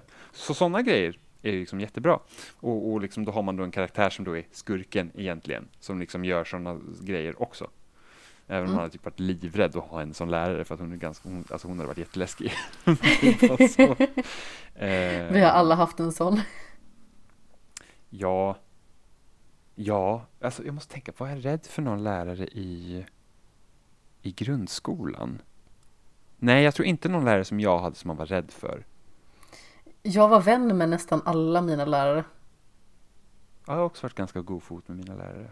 Däremot så hade jag en i teknik. Ja, Det är den enda läraren som har gett mig G. Alltså då bara, Oj. betyget, bara betyget G. ja. Vi kom inte överens alls. Så, du- så du hade ett G när du gick ut nian då eller? Ja, Oj, alltså jag hade, jag hade många G när jag gick ut. jag Ja. hade väldigt många MVG och sen så VG och sen så hade jag ett G som sagt.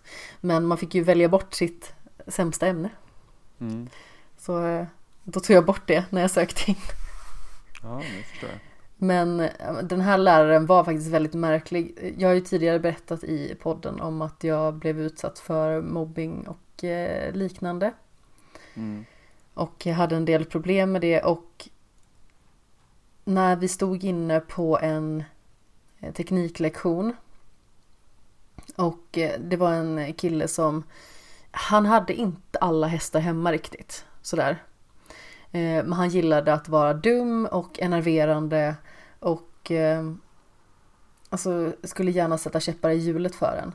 Så han var ganska så stor och hyfsat lång för sin ålder. Eh, Så han ställde sig precis framför mig så inte jag såg någonting och då var jag ändå hyfsat lång redan då för att vara tjej liksom. Men jag såg ju inte ett skvatt. Så då handgripligen flyttade jag honom åt sidan när han liksom vägrade att lyssna på att jag bad honom att flytta på sig för att han betedde sig som en idiot. Och eh, då armbågade den här killen mig rakt över nyckelbenet så att jag flög in med huvudet före i ett bord. Gud. Eh, Och läraren gav mig skäll. Mm. Så ja, den läraren och jag kom inte jättebra överens av någon outgrundlig anledning. Och det här var ju verkligen inte mitt fel. Jag bara stormade ut från den här lektionen och så ringde ju den här läraren. Eh, jag vet inte riktigt. Nej, det kanske inte var den läraren som hörde av sig till mina föräldrar. Jag tror att det kanske var min mentor som gjorde det. Så fick Mm. de förklara situationen, för jag var ju tvungen att åka hem. Eh, vaknade dagen efter och fick ropa på min mamma. För jag kunde inte ta mig upp ur sängen Mm. på egen hand. Så hon fick dra upp mig i sängen och skjutsa mig till sjukhuset. Har du fått hjärnskakning? Nej, alltså jag, eh, jag hade så ont i, i nyckelbenet. Så Ah. vi trodde nästan att det var brutet. Okej. På grund av, eh, ja, som sagt, armbågningen. Mm. Men eh, ja, det var eh, väldigt absurt liksom att få skäll när någon eh, i stort sett slår ner en. Mm, ja, men vissa lärare är så jävla pottiga. Det är liksom, jag hade, i min första skola som jag gick i, den kristna skolan som var väldigt weird. Eh, där min lärare som jag hade i 1-2an, hennes dotter gick i samma klass. Eh, och vi hade alltid så här typ att, ja men, vi hade alltid så att, ehm, ja men, det var alltid några som fick liksom stanna kvar och liksom städa. Liksom så här, typ dammsuga i klassrummet och sen dammsuga ut i liksom lilla korridoren som man hade där. Så att man, hade, man var med i en sån här grupp så att den här veckan var det vår tur. Så fick man typ städa varje onsdag och så här. Och det var bara det att, och då var hennes barn kvar också, en, en, en dotter också som, var, som gick i två årskurser över. Och de hade jättemycket ståhej liksom i, i korridoren när jag skulle städa. Eh, och det var jag som fick skulden över att hennes barn hade liksom stök. Åh nej, Ja, det var en sån. var- Ja, men hon var... Men alltså, det är så konstigt också när man liksom är, när, när det går till så, så man vet ju inte om att det är fel heller. Så jag sa ju liksom aldrig till mina föräldrar om man blev o, o, liksom behandlad på ett icke korrekt sätt. Det var ju bara liksom att svälja och sen gå till skolan nästa dag igen liksom. Ja, alltså grejen är ju den också att många föräldrar de är ju liksom så otroligt överbeskyddande när det gäller sina egna barn också. Jag kan ju bara tänka hur det blir liksom när det är en lärare och deras barn. Mm. För antingen kan det bli så att den ungen får jättemycket skit eller så blir det eh, räkmacka av det hela. Mm. Så det känns som att det finns inte något gyllene mellanläge där på något vis utan det blir verkligen det ena eller det andra. Nej. Precis. Fast mina föräldrar har alltid varit så om vi har fått skäll för någonting. Så mina föräldrar har varit liksom så att, ja ah, men okej, då har man gjort någonting för att förtjäna det. I princip. Vilket kan ju ha sina fördelar också för att många kan ju vara så att nej min unge gör aldrig något fel. Ja, Eh. det fanns ganska många föräldrar som var sådana. Att de bara Mm. säger, ja men mina barn är, perfekta och eh, gör aldrig någonting fel. Det Nej, var ju så, det var ju en tidigare incident när jag faktiskt eh, blev jagad ut i skogen och eh, slagen på. Men gud. Ehm, och då så hade mina föräldrar och de här andra skitungarnas föräldrar och rektorn och våra närmaste lärare ett samtal. Och eh, skitungarnas föräldrar så vägrade och liksom bara så här, nej, ah, min, min älskade lilla son skulle aldrig göra det. Man bara så här, mm, aldrig, visst, liksom. Mm. Eh, och eh, min pappa fick ju till slut eh, bryta, så han har ju liksom rätt lång stubin. Sådär. Mm. Men han blir ju till slut förbannad liksom. Bara, ja men då kan väl alla ungar gå ut härifrån det här mötet så kan Amanda stanna kvar så kan ni ju kolla på blåmärkena om ni vill. Mm. För de har ju inte kommit dit av sig själv. Nej men precis.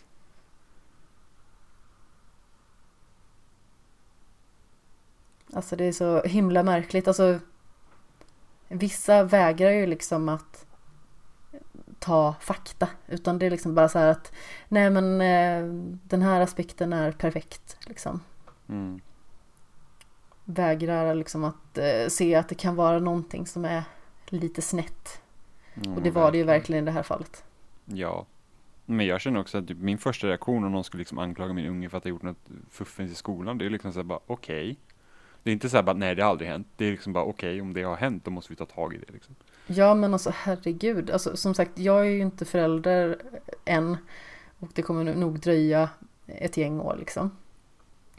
Men om jag skulle få höra att mitt barn skulle vara elak mot andra barn. Alltså då känner jag verkligen att då har man lite att ta tag i. Ja, så ska det fasen inte gå också. till. Ja, Alltså inte, inte bara för den ungen som far illa utan också för sitt eget barn som inte ska växa upp på ett rötägg. ja men exakt. Känner jag ja. Man måste liksom se till hur blev det så här? Är det liksom så här umgänget i skolan? Är det liksom umgänge utanför skolan? Alltså som eh, kanske om den eh, utövar någon sport eller är med i någon förening av något slag eller sånt liksom. Alltså var kommer det ifrån? Sen kan det ju naturligtvis vara i hemmet också. Mm, ja men så är det Men sen, är, Såklart. sen att vissa dras ju också till andra problembarn. Jag har alltid, jag har alltid hållit mig undan från sånt. Jag har aldrig, varit- jag har aldrig varit intresserad av att vara med sådana ungar för att de är bara jobbiga. Ja, jag har ju försökt att hålla mig undan dem men jag får ju dem på mig ändå. För att Mm. jag är tydligen fantastiskt rolig att reta. Ja, Nej, jag, jag, jag klarar mig rätt bra. Jag har hjälpt folk som har blivit mobbade. Och så. Mm.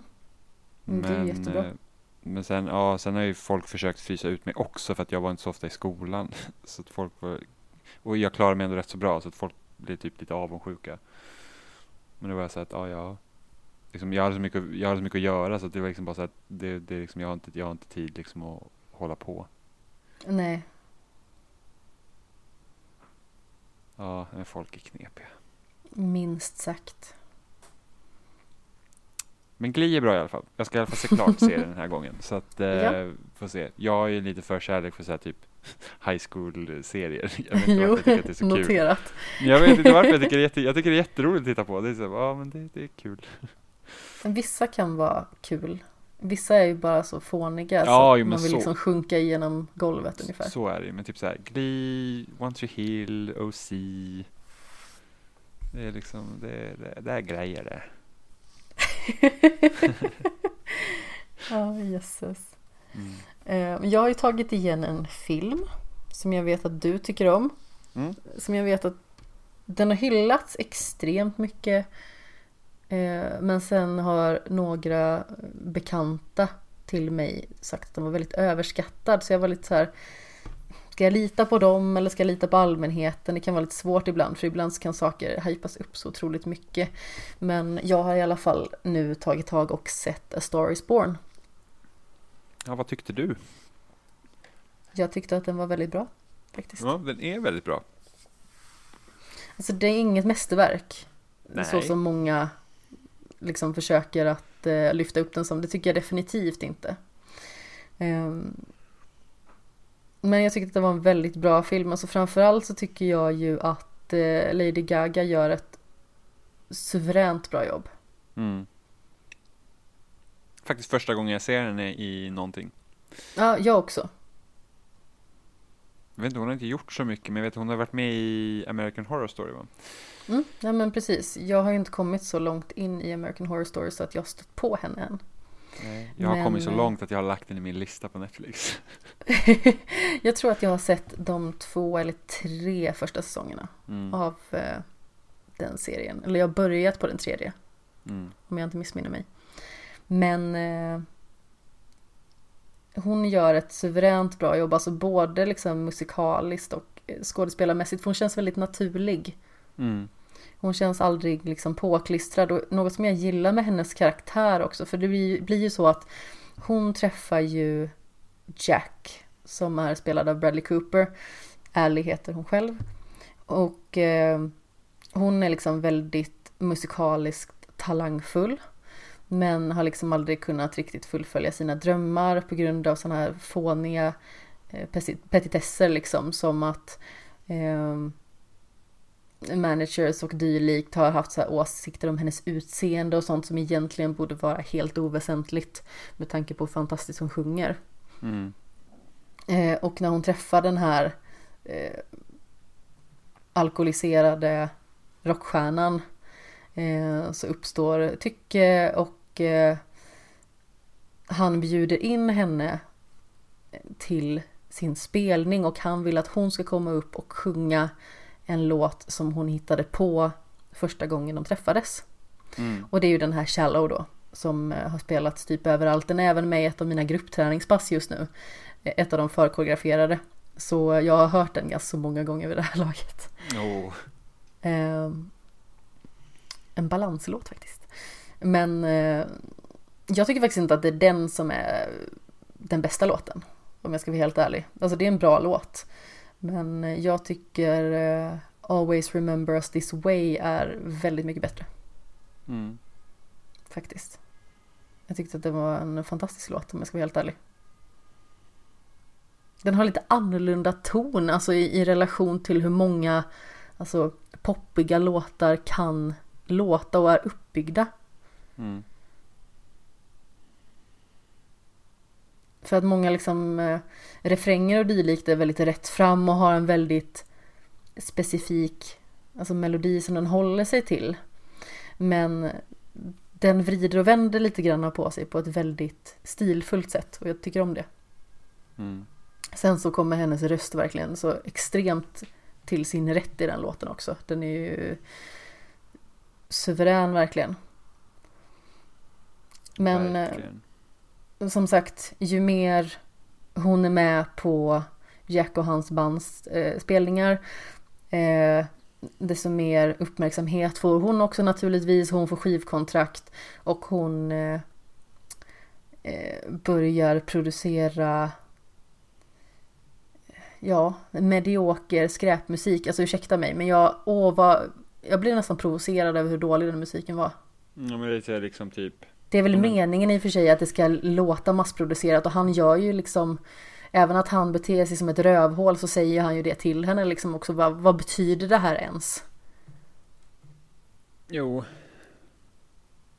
Men det jag gillar med henne däremot, alltså trots att hon gör den här massproducerade skitmusiken eh, Så tycker jag att hon hela tiden ändå behåller sin alltså, personlighet Men alltså, genom känns, hela filmen. Alltså det känns ju som det här är mycket tag. Alltså nu vet jag att den här filmen är en remake av en gammal film. Ja, den är, det är väl tredje gången som den här filmen görs.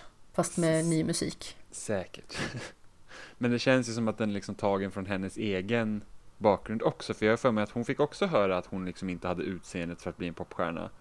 Eh, och sen om man jämför liksom mycket med den musik hon har gjort. Alltså man jämför med hennes första album mot de senare så har också hennes musik ändrats jättemycket. Den ju gått Jag har inte att lyssnat så jättemycket på henne. Okej, jag om jag gillar ska Lady Gaga ärlig. väldigt mycket. Eh, Eller okej, nu lät det som att jag var typ värsta fanatikern. Jag gillar Lady Gaga, jag har lyssnat på hennes musik, men liksom att hon har ju, nu tycker inte jag att hennes första album är jättedåligt, men det, det är ju den här typiska liksom popmusiken liksom med Just Dance och, och Bad Romance och de låtarna liksom, så att det, det, det känns ju väldigt mycket så här radiovänliga, och sen har du även så här typ mer akustisk musik som Speechless och sen jag tror hennes senaste skiva, den är väldigt annorlunda mot den första. mm, Det känns alltså väldigt jag, mycket som eh, att hon liksom har, att hon kan hon, hon får liksom göra annan musik för att hon är så pass stor. Ja. Eh, men det reflekterade jag faktiskt över. Jag funderade liksom på hur mycket av henne som var invävt i själva rollen. Mm. För att, ehm, ja, alltså jag tycker att hon har en fantastiskt bra röst. Det går ju liksom inte att säga någonting annat. Däremot så, hennes musik är liksom så här, ja men den är väl diggvänlig på en gruppträningsklass liksom, men det är ingenting jag skulle lyssna på i vanliga fall. Alltså då menar jag de här låtarna som man får höra på radion. Mm. För det är verkligen alltså så här återigen den massproducerade typ av musik som jag inte riktigt står ut med att lyssna på oftast. Mm. För att det brukar ofta vara liksom så här, ja men fraser som man hänger upp sig på eh, för att det ska liksom eh, fastna på minnet och sånt. Alltså Pokerface är en sån låt till exempel. Så Ja. provocerande, irriterande. Åh, jag gillar Pokerface också. Ja, Jag tycker att Som sagt, jag eh, gillar Lady Gaga. Det, det finns eh, grejer i den låten som bara så här, jo. pallar inte att lyssna på det. Jag tycker att det är så irriterande, verkligen. Eh, och sen så får man det väldigt lätt på hjärnan också. Och, Mm. Men det är samma sak, Bad Romance har ju också den här liksom inledningen som är superirriterande. Det kommer väl tillbaka vid något stick också. Men ja, alltså den musiken som hon sjunger tillsammans med Jack Eh, eller för den delen själv också. Men med liksom den här mer jordnära tonen tycker jag i alla fall. Eh, den är ju faktiskt väldigt bra. Mm. Och jag tycker, alltså jag tycker om hennes röst så himla mycket. När hon får Mm. använda den på det sättet. Verkligen. Sen så får folk gärna där ute tycka att jag är någon form av så här eh, eh, musiksnobb med basker och skit. Men jag vet inte. Jag har väl aldrig riktigt varit för populärmusik på det sättet kanske. Många tycker kanske att jag är lite svår. Kanske är för att jag började lyssna på typ så här indie-pop när jag var typ tre år ungefär.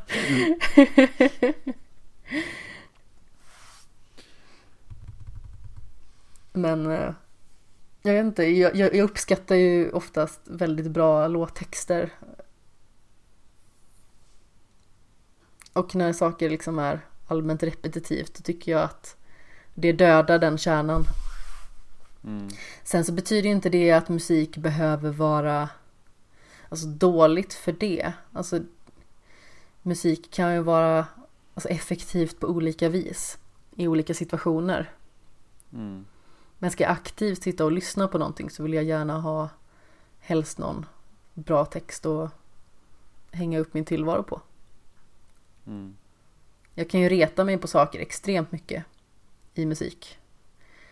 Typ som när någon låtskrivare omotiverat lägger in My friend som avslutning på en mening och man bara så här, varför lägger du in det här? Det låter så förbaskat töntigt. Ja, eller det mycket, mycket eh, populära ordet yeah.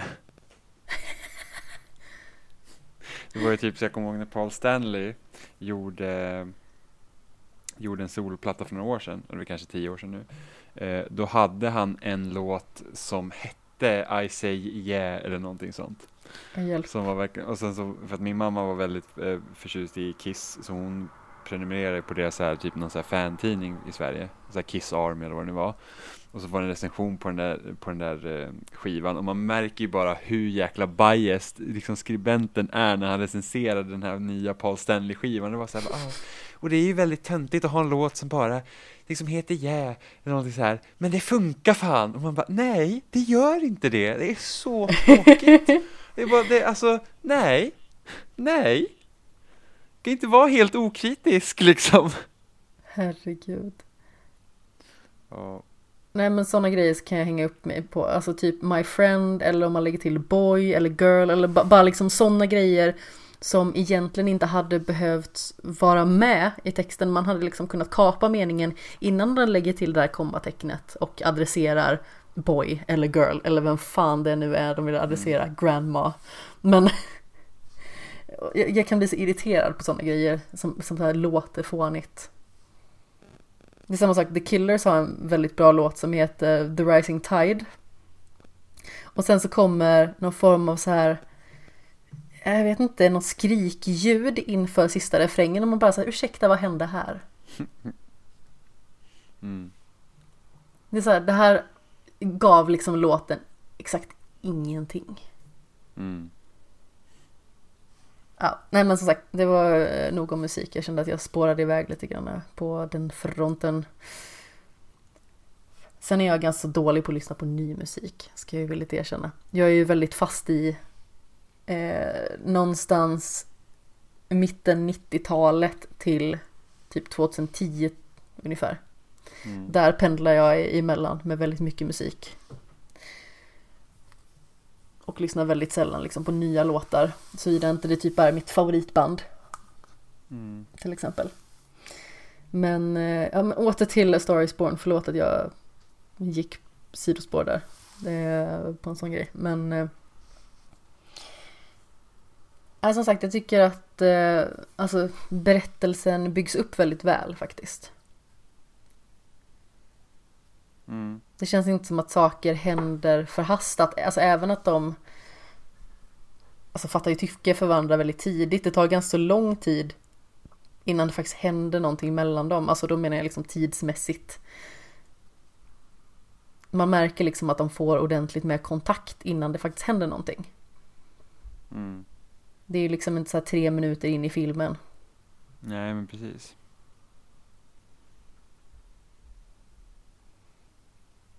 Som sagt, den är ju... Det är ju ingen solskenshistoria, om man säger så. Nej, även om slutet är ändå relativt väntat att det ska inte vara ett glatt slut liksom. Mm. Även om sättet det hände på var ju...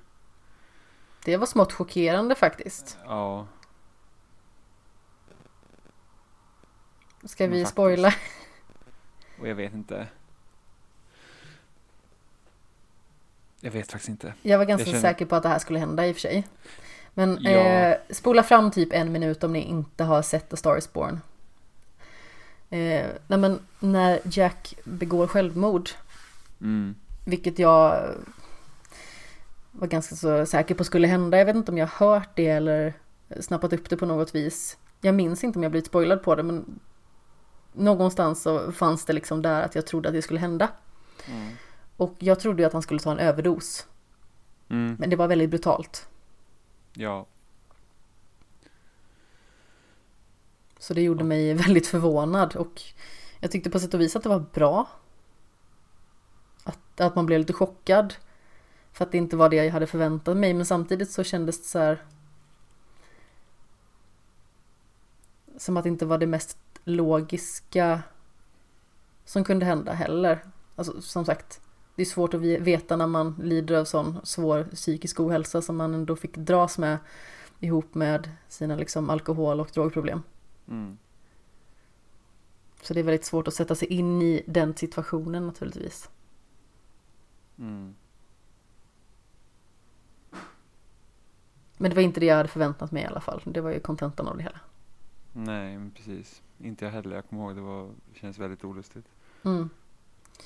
Men eh, när han väl berättade när han var på behandlingshemmet liksom att han hade försökt att hänga sig i en fläkt Mm. eh, för den här eh, mannen då när han satt och pratade med honom. Eh, då kändes det som att det barkade mer ditåt Mm. när slutet väl var nära. Verkligen. Jag tyckte på sätt och vis också att det var väldigt bra att de gjorde inte en sån här extrem grej av det, typ att det var ett dramatiskt hittande av honom och att det var liksom massa blåljus och, eh, och den typen av grejer, utan det bara hände. Och så fick man liksom se vad det förde med sig efteråt. Mm.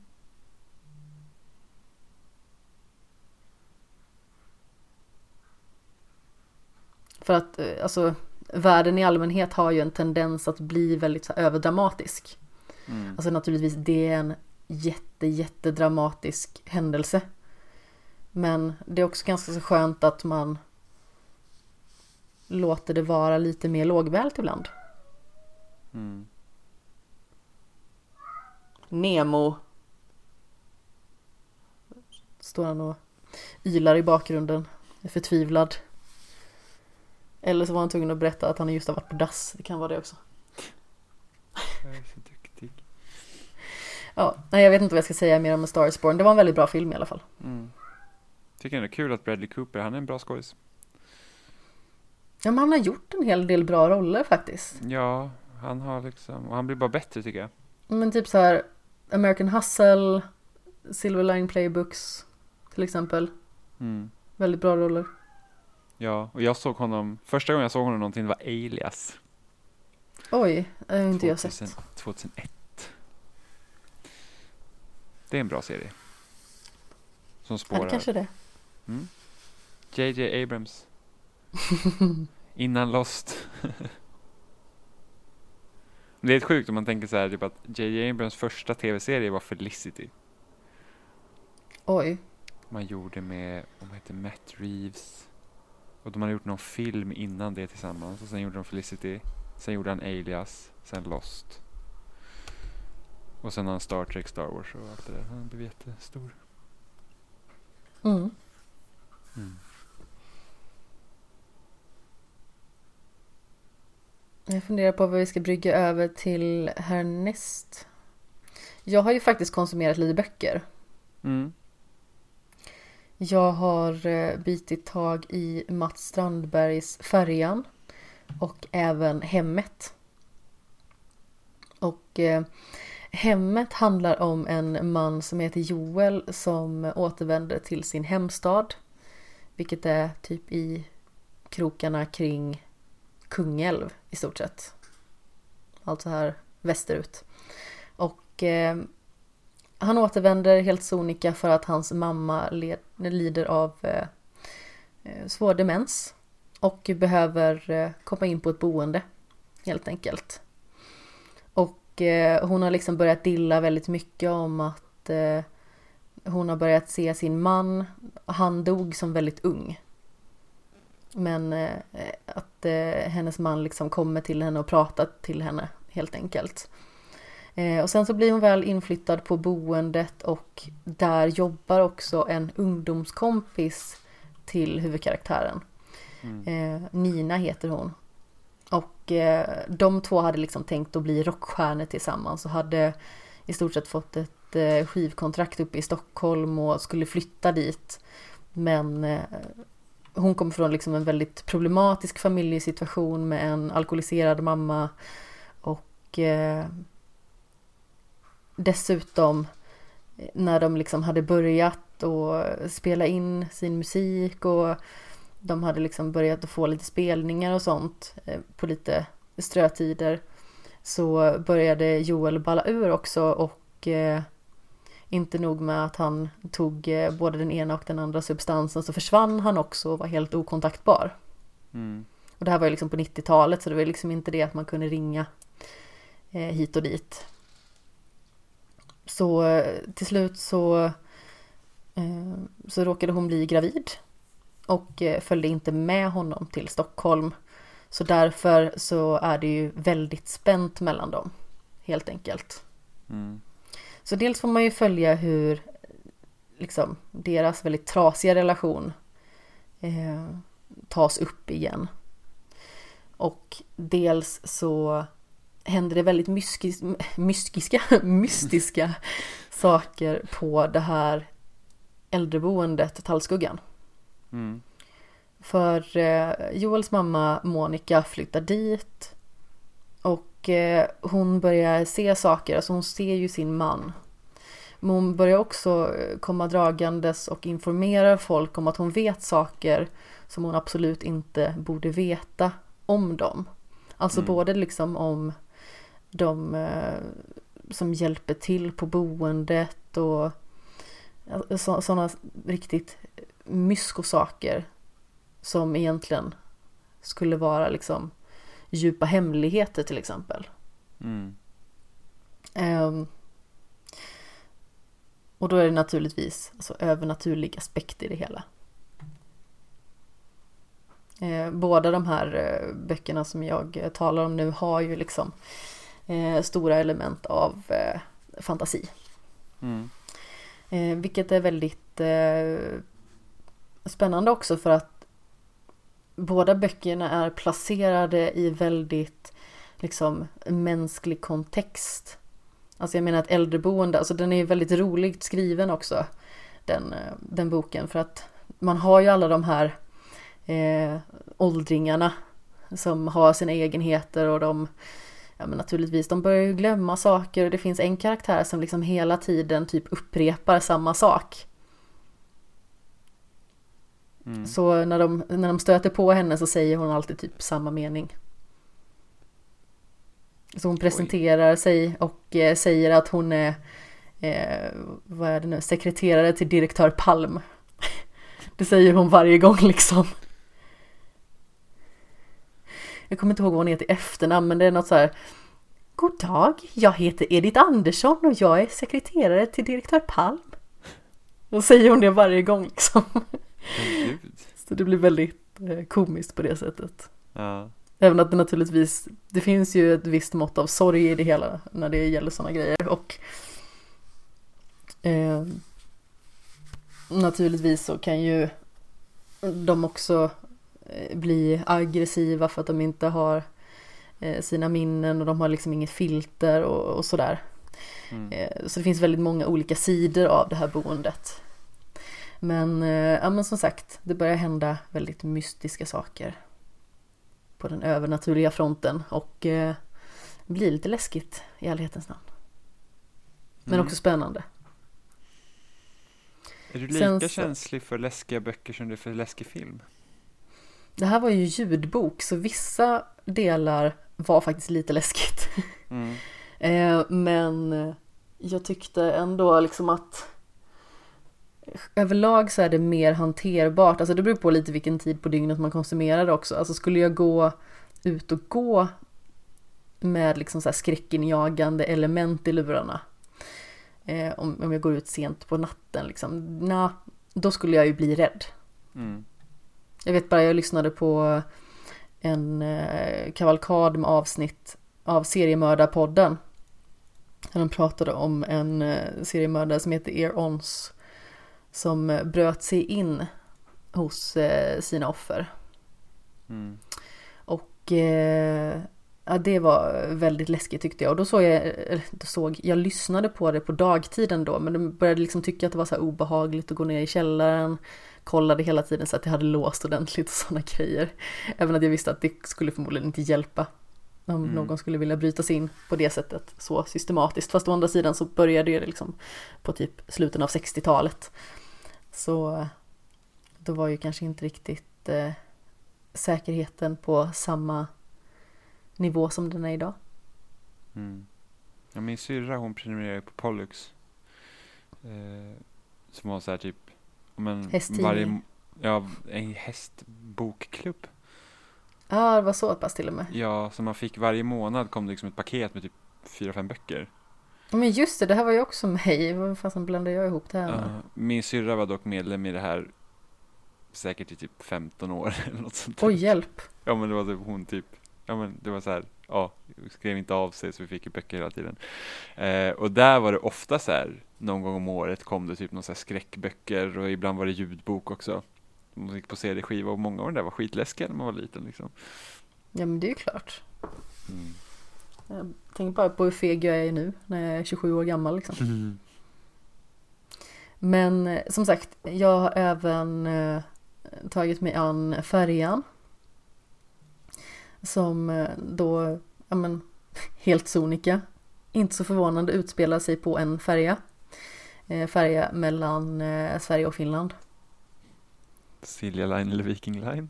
Frågetecken. Eh, jag kommer inte ihåg exakt vad det var den hette nu. Eh, Baltic Charisma tror jag att den heter. Det är väl en fiktionell, kanske? Jag har ingen aning. Eh, men i alla fall, då är det ju 1200 passagerare som går på den här färjan som ska färdas från eh, Sverige till Finland och tillbaka. Jag har för mig att de så här mellanstannar eh, en liten eh, bit på vägen också på eh, Åland. Är det så? Mm. Eh, nej men hur som haver i alla fall så det är någonting monstruöst obehagligt som börjar härja på färjan.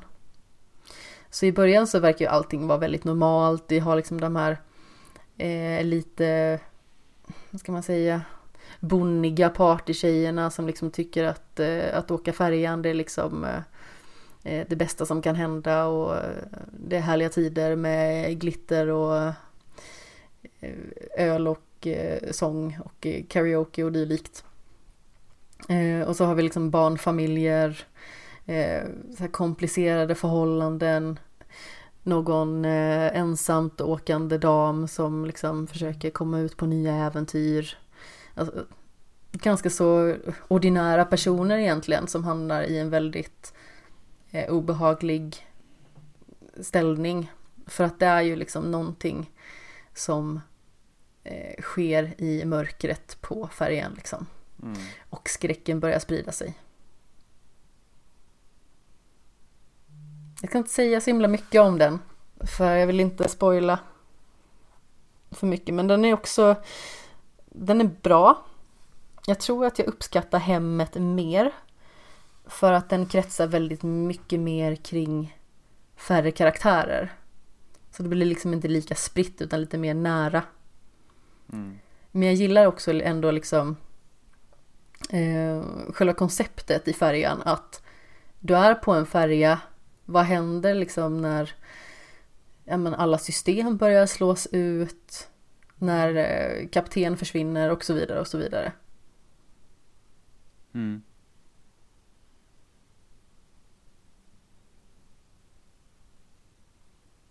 Men som sagt, det var spännande. Var, båda ljudböcker? Mm, båda ljudböcker. Jag hinner ju knappt läsa nu för tiden. Ja, nej jag vet, det är, det är, det är fruktansvärt. Ibland så får jag eh, tummarna ur och läser i pappersform. Mm. Jag Men läser det är oftast i väldigt specifika färg. Jag, om jag lyssnar på något, jag lyssnar på podcast. Jag har så många podcast att lyssna på så jag hade inte kunnat lyssna på ljudböcker heller. Jag varvar ju det där. Mm. Jag har typ 18 podcast jag lyssnar på så att, Herregud. Mhm. Ja, nej, jag har tappat podcast lite grann det senaste. Men det är också sånt som går i perioder. I vissa perioder så lyssnar jag mycket mer på ljudböcker. I andra perioder lyssnar jag jättemycket på podcast. Mm. Det beror på liksom lite vad jag är för sinnesstämning. Vill jag kanske ha några som eh, sitter och eh, pratar om verk eller vill jag faktiskt konsumera ett verk? Jag tror att över spel så är nog podcast mitt favoritmedium. Efter. Jaså? Mm. Tycker det är en fantastisk grej. Ja, Jag tycker att det är väldigt kul också. Alltså både att lyssna på och producera naturligtvis. Mm. Jag håller med. Mm. Sen så tänkte jag skulle köra en liten statusrapport bara. Jag är ju... eh, ganska så långt in i amerikanska The Office. Jag har sett fem säsonger. Oj. Ja. Av Och nu vet jag inte hur många det är faktiskt. åtta, nio? Det är något i den stilen. Mm. Jag bara låter dem rulla på liksom tills det tar slut. Så jag har faktiskt inte koll på hur långt det är. Eh, Jag borde kanske ha gjort en liten efterforskning kring det innan. Men, eh, ja, men som sagt, jag tycker att den är väldigt rolig när den blir lite mer sin egen serie. Mm. Naturligtvis så ser man ju hela tiden dragen där. Efter eh, originalet. Mm. Bland annat med hur chefen är och hur han beter sig, alltså spelad då av Steve Carell. Eh, och man vill ju ibland liksom bara typ Alltså kasta ut honom genom ett fönster för att han är så provocerande. Ehm, och sen så finns det många väldigt så här, roliga karaktärer också som man tycker om väldigt mycket. Man fattar ju tycke för sina karaktärer. Och vissa är ju konstiga som han den här Dwight då till exempel. Men man kan liksom inte låta bli att tycka om honom heller för att han är så konstig på ett väldigt älskvärt sätt på något vis. Mm. Till skillnad från eh, han som är i den eh, brittiska The Office. Som är motsvarigheten då, för han är bara obehaglig. Mm. Men något jag reflekterat över i alla fall i The Office det är att jag tycker att det är väldigt jobbigt när det börjar skämtas om ja, men typ ras och sexuell läggning och sånt. Mm. För jag tycker inte att det blir så jätteroligt. Det är inte nödvändigtvis så att det kanske skämtas på fel sätt för man förstår ju liksom att det man försöker lyfta fram är liksom hur plump, alltså till exempel då Michael Scott är när han säger saker. Ehm, och hur pinsamt det blir. Så man skämtar ju liksom inte eh, på Ja, men till exempel det finns en karaktär som heter Oscar som är homosexuell.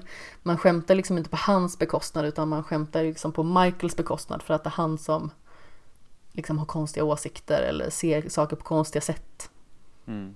Så det är egentligen inte problemet, det är bara det att jag tycker att det blir skämsjobbigt på fel sätt. Mm. Jag uppskattar mycket mer alltså situationskomiken i alltså igenkänningshumorn. Snarare. Det är det jag tycker är roligt. När det kommer till sådana saker. Sådana vardagligheter liksom. Mm. Som kanske så här skruvas upp lite grann. Men det är så här typiska grejer som att men så här, vilka som ska planera personalfesten och hur det spårar ur och sådana grejer. Ja. För man vet ju liksom alltid att ja, men den här karaktären den finns liksom på varje kontor. Mm.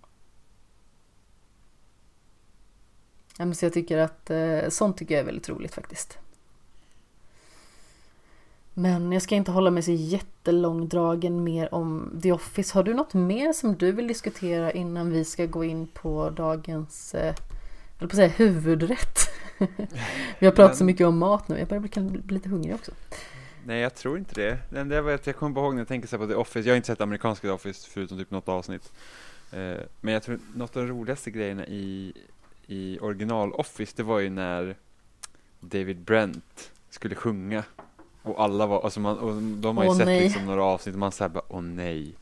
Alltså det kommer ju inte vara bra, du vet. För det, det är det man liksom förväntar sig av den Mm. karaktären och av den serien var ju liksom verkligen så att, men alltså det är klart, han tror att han är skitbra på att sjunga, det kommer ju aldrig sluta bra och så kan han sjunga. Ja.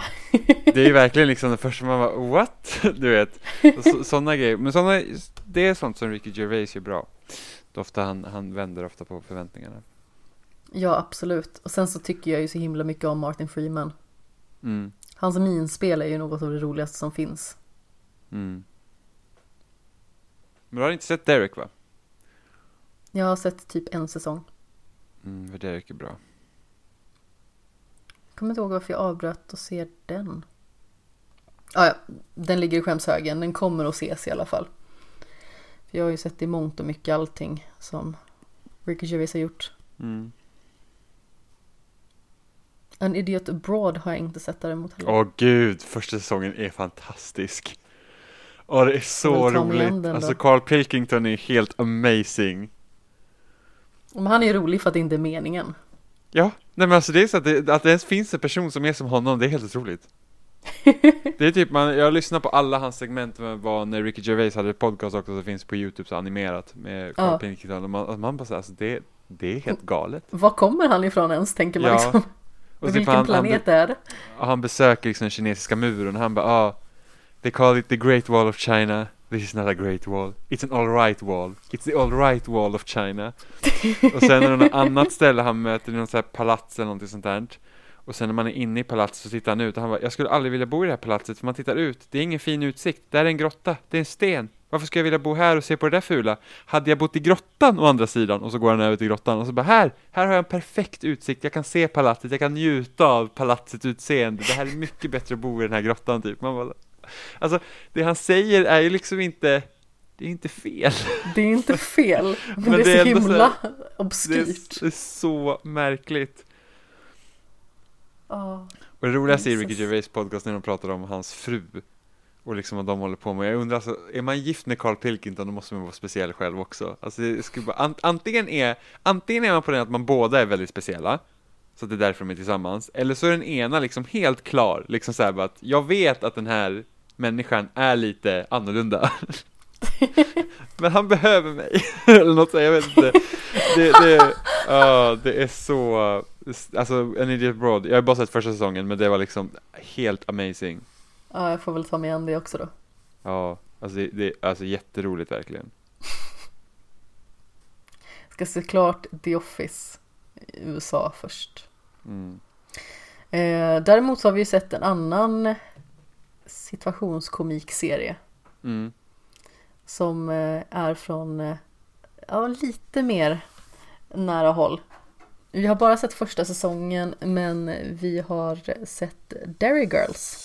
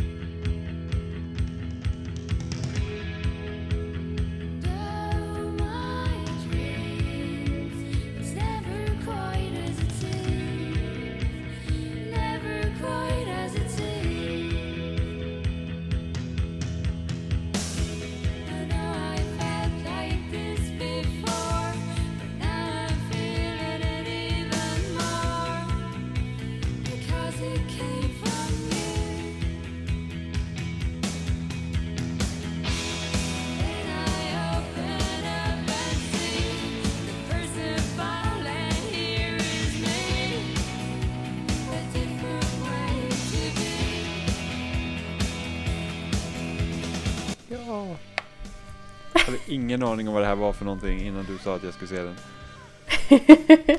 Jag var så här, jag bara okej. Och så bara tittar man och så, ja. Du bara såhär, varför vill du att jag ska se det här? Ja, Jag vet inte, det var, alltså jag, jag gillar Ja men det gör jag också. Alltså, jag kommer inte ihåg vem det var jag fick den här tipsad. Jo, det var nog Louise förresten som är en del av eh, Nördliv. Om jag inte missminner mig. mm. Eh, men den har i alla fall legat i bakhuvudet ett tag och så tänkte jag bara fasen. Den här kanske man borde ta tag i för jag fick den som förslag då på Netflix och varje säsong är bara sex avsnitt och de är ungefär 25 minuter långa. Mm. Vilket är en så klassisk liksom, situationskomiks längd. För man orkar liksom inte konsumera mer i ett stöp. Ehm, men som sagt. Eh, det här utspelas i alla fall i Derry. Som är en liten ort i Nordirland. Och det utspelas på 90-talet. Vilket ju är eh, en setting som jag vet att jag uppskattar mycket mer än du. För jag uppskattar ju 90-talet och dess musik och eh, alltså hela känslan. Alltså det tog mig typ två avsnitt innan jag förstod att det faktiskt utspelar sig på 90-talet. Jag bara alltså, jag, Jaha! jag bara, vad märk, för jag hade inte koll på det, så jag var men vad märkligt, alltså, typ, de kör ju bara massa 90-talsgrejer, jag bara, åh, haha, vad kul, 90-talet har inte lämnat Nordirland, tänkte jag, det var typ del av skämtet. och sen så bara kollade jag på Men reflekterade bara, du inte "Åh." över bombattentaten? Eh, nej men jag måste, jag, jag, jag tror jag höll på med något annat just när det kom då. Ja men alltså, jag förstod ju det sen. Ja. Sen. Så det är inte så att jag liksom såg hela scenen och så bara åh 90-talet utan, utan men det tog liksom, jag förstod inte det på en gång. Det var väl någon gång så här avsnitt två eller tre, jag var så här, men varför det är bara 90-talsgrejer? Eh, och sen så, Ja. alltså den är väldigt, den är väldigt speciell på det sättet genom att den är ju inte Alltså jag hade först förväntat mig att ja, men det är typ en, en komediserie med eh, liksom att den känns ju väldigt mycket åt komikhållet för att karaktärerna är väldigt uppskruvade och liksom så där beter sig inte människor. Riktigt. Eh, Utan man har jag- tagit liksom en grej och sen skruvar man till det lite så att det liksom blir lite knasigare än, än Man har än- tagit en, en eh, faktisk karaktär liksom som har vissa typer av drag och som man tagit det upphöjt till två på något vis. Ja, Eh, till exempel huvudkaraktären som man presenteras för i början som heter Erin. Eh, alltså hennes minspel blir jag inte klok på. hon gör jätteroliga minspel. Alltså jag vet inte, jag tycker hon ser dum i huvudet ut. Men, ja, Alltså visst, det är väl meningen. ja men- det var det jag tänkte. Jag har väldigt svårt att uppskatta det. Alltså det är någonting med det. Jag bara så här, vad gör den här människan egentligen? Alltså jag, gill- jag var gillar i de första avsnitten att hon är så himla benägen att vara populär. Så att hon gör ju allt. Vad någon, liksom, någon så här typ, men första avsnittet så är den här killen som hon ska gå på den här, eh, den här, eh, hans spelning. Spelningen. Och hon bara, ja självklart, G- på en gång liksom, alltså, det är klart. Och sen så är det alltid någon som kommer och stör. Hon bara, men tyst det, liksom, det här är viktiga grejer. Och sen i avsnitt två så är det typ en av de populäraste tjejerna som ville umgås med henne på den här klassresan. Och hon bara liksom, japp, yes, jag är med liksom. Ja. Eh, vilket är väldigt roligt.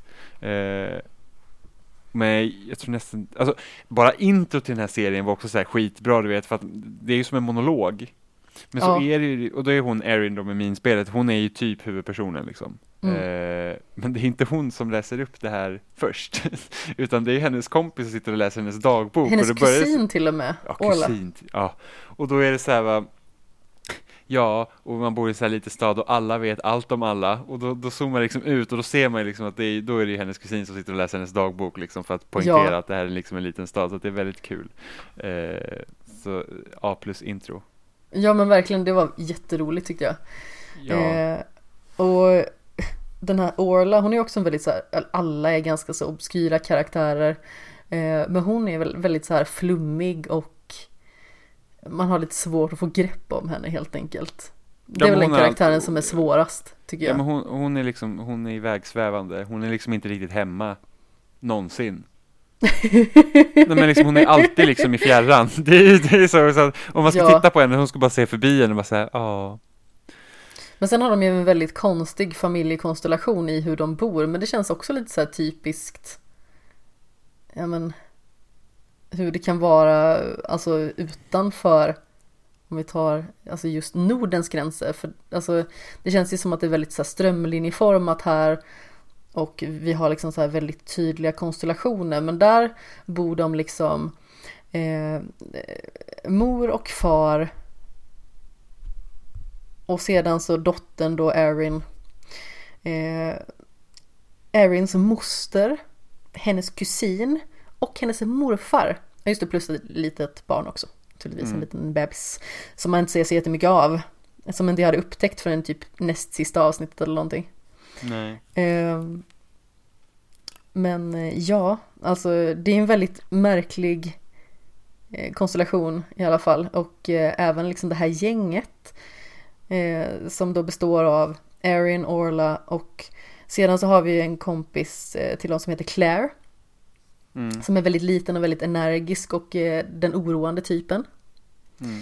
Eh, vi har Snuskfian då som eh, heter Michelle som eh, vill ligga med allting som har tre ben i mångt och mycket. Och, och är så här ful i munnen och liksom Verkligen.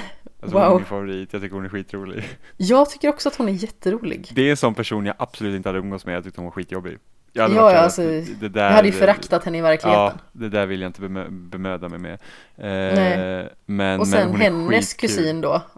James som eh, i Ja. sin tur då är eh, ditflyttad från England.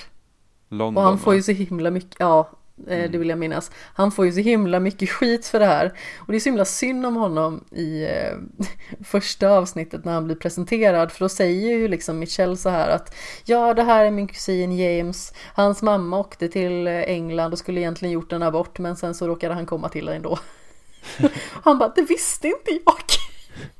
Ja, men alla är liksom himla mobbar honom för att han är från England. Det är lite kul faktiskt. ja. Och sen, eh, alltså det, det skummaste, alltså den serien jag tänker mest på när jag, när jag tittar på den här. Och det, Ja. det, kan, det kan kännas kanske lite konstigt, men det är South Park. Jaha. Och jag vet att South Park, jag vet att de här, de här serierna är inte alls lika på det sättet, för South Park är väldigt mycket så här politisk satir, det är mycket baj, kiss och bajshumor i alla fall liksom när jag slutade kolla. Eh, men jag vet inte, det är något med karaktärsuppsättningen, det är de här vännerna som har sina väldigt specifika egenheter. Ja. Och sen är det alla de här andra konstiga karaktärerna runt omkring. Jag vet inte, jag får bara inte bort, jag bara, jag bara tänker på South Park när jag ser det här. Minus kiss och bajs. Och, och, och liksom den helt politiska satiren. Men det, det, det är bara någonting, jag kan liksom inte få bort den Ja, liknelsen. alltså den har väl vissa politiska drag ändå den här serien för att den spelar ju väldigt mycket på hur det var i Nordirland då Mm, eh, med, är det IRA? jag tror det. Och speciellt hur den här säsongen slutar. Mm. Ja, det slutar ju med en eh, riktigt hemsk kraftfull bombning liksom. Ja, och, vi, och det är lite synd att inte serien liksom riktigt trycker på den bitarna mer för att det känns väldigt mycket i bakgrunden och, är liksom, och avsnitten är väldigt fristående från varandra så att du behöver egentligen inte kolla på dem i rad. Men jag måste Fast- säga att avslutningen var den kändes väldigt känslosam. Ja, men frågan är kommer de göra någonting med det? Hoppas det. För att det kändes liksom, för att det, det är någonting som liksom, änd- alltså man ser ju för att det är ju som man ser de här vännerna då, de är i skolan på någon så här eh, talent show Grejsimojs eh, som de har, som, som skolor gör. Mm. Eh, och, och de alla liksom dans, alltså de byter mellan scenerna med att de står och dansar på scen inför liksom skolan medan föräldrarna ser vad som hänt på nyheterna. Så att det blir en, väl- det blir Ja. en väldigt kontrast att vi har liksom de här unga tjejerna då som liksom Bara ska kunna få vara unga. Ja men precis, och inte har några bekymmer i världen medan man har då vissa föräldrarna sen som bara liksom vet vad det innebär, liksom att de lever osäkert. Eh, och jag hoppas att de gör mer med det, för att det är väl kanske någonting jag känner att jag saknar lite i serien, att det finns liksom inte riktigt någon emotionell umf i det. Utan det är Nej, mest bara precis. liksom, det är bara liksom knas och skoj. Eh, och Ja. jag läste bara avsnittsbeskrivningen på säsong, eller på avsnitt ett på säsong två och då är det liksom, det nämns inte där i alla fall. Nej, sen så kanske det kommer in i bilden i alla fall, vilket man kan hoppas på definitivt. Så Absolut. att jag tycker att det är en viktig punkt liksom, för att det var ju väldigt utsatt. Ja, jo men det hoppas jag för att för att det, det är någonting som är så spännande liksom just med, med eh, Storbritannien överlag liksom att de har ju det är just där den tidpunkten har så stor betydelse eh, 80-90-tal där Mm. över, över hur, hur landet ser ut idag Ja. så det Men eh, alltså, jag har ju lagt i faderns namn i din skämshög sedan tidigare. mm, Eh, och det handlar ju också om liksom eh, bombningar. Alltså, och då är det ju en man som heter Jerry Conlon som eh, är från Nordirland som fick sitta 15 år i ett eh, brittiskt fängelse för eh, det här bombdådet och han hade liksom inte utfört det. mm, Och det är ju baserat på verkliga händelser då. mm. Och det är en av de mest känslosamma filmer jag har sett. Den är väldigt, väldigt stark. Det är ju med Daniel Day-Lewis i huvudrollen. Mm. Den är verkligen eh, fantastisk, måste jag säga. Men som sagt, så man, man får ju liksom lite vibbar av alltså hur... Vad ska man säga? Hur, eh, hur hemskt klimatet ändå var.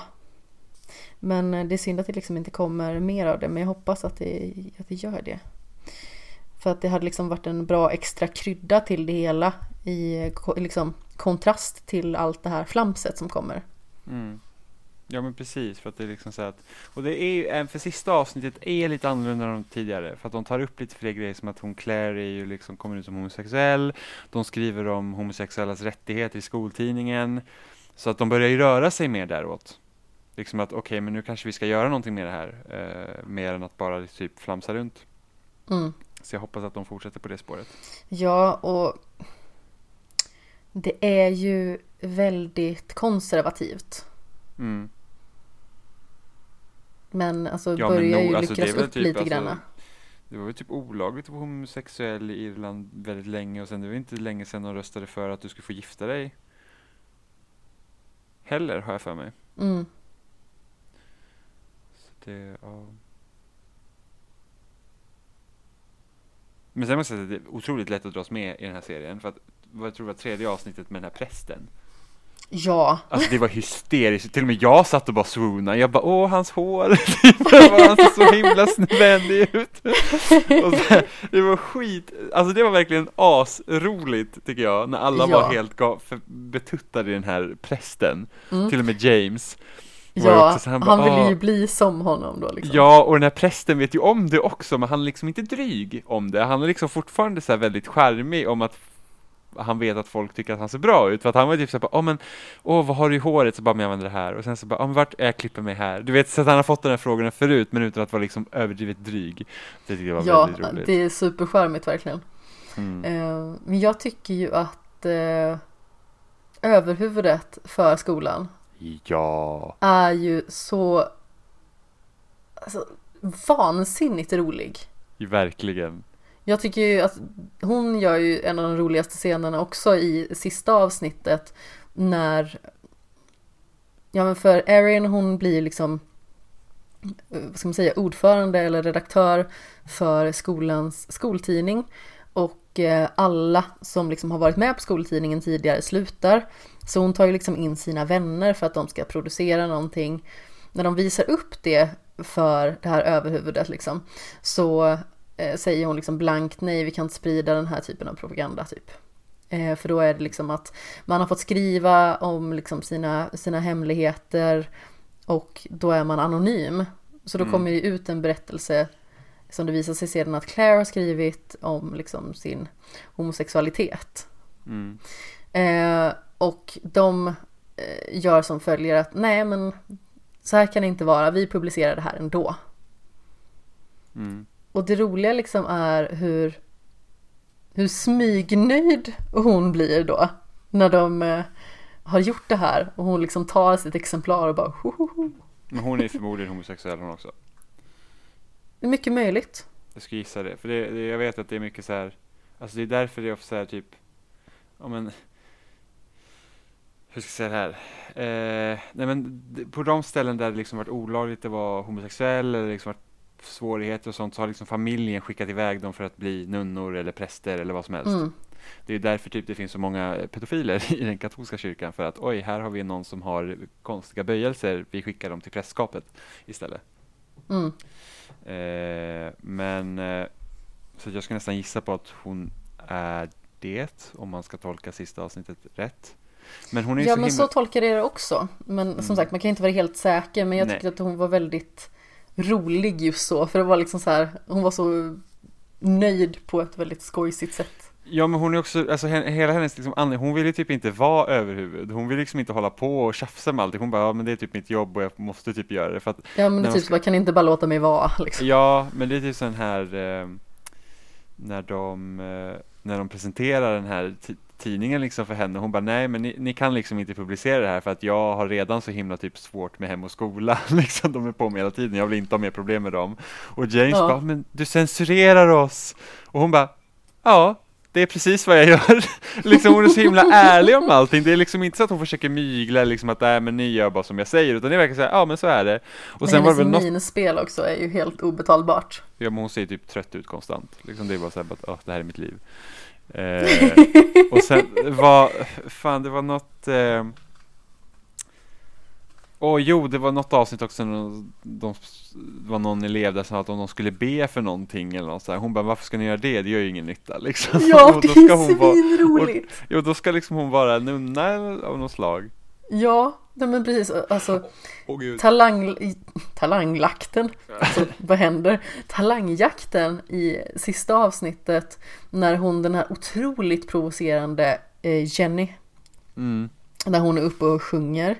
Som typ Eh. ser 40 år ut i typ en 16-årings kropp. Ja men alltså hon, åh, åh vad jag avskyr den här karaktären. Det är en av de, alltså Det är typ den värsta sortens människa. En sån, Ja. en sån smilfink verkligen. Åh, hon är så vidrig verkligen. Alltså typ så här smilfink snedstreck elevrådsordförande kombinerat. Ja, det är riktigt vidrigt i alla fall. Men då står hon ju liksom och eh, åma sig på scenen till eh, en, en sång. Och eh, så kommer i alla fall den här, eh, jag kommer inte ihåg vad hon heter, vad besviken jag blir på mig själv. Eh,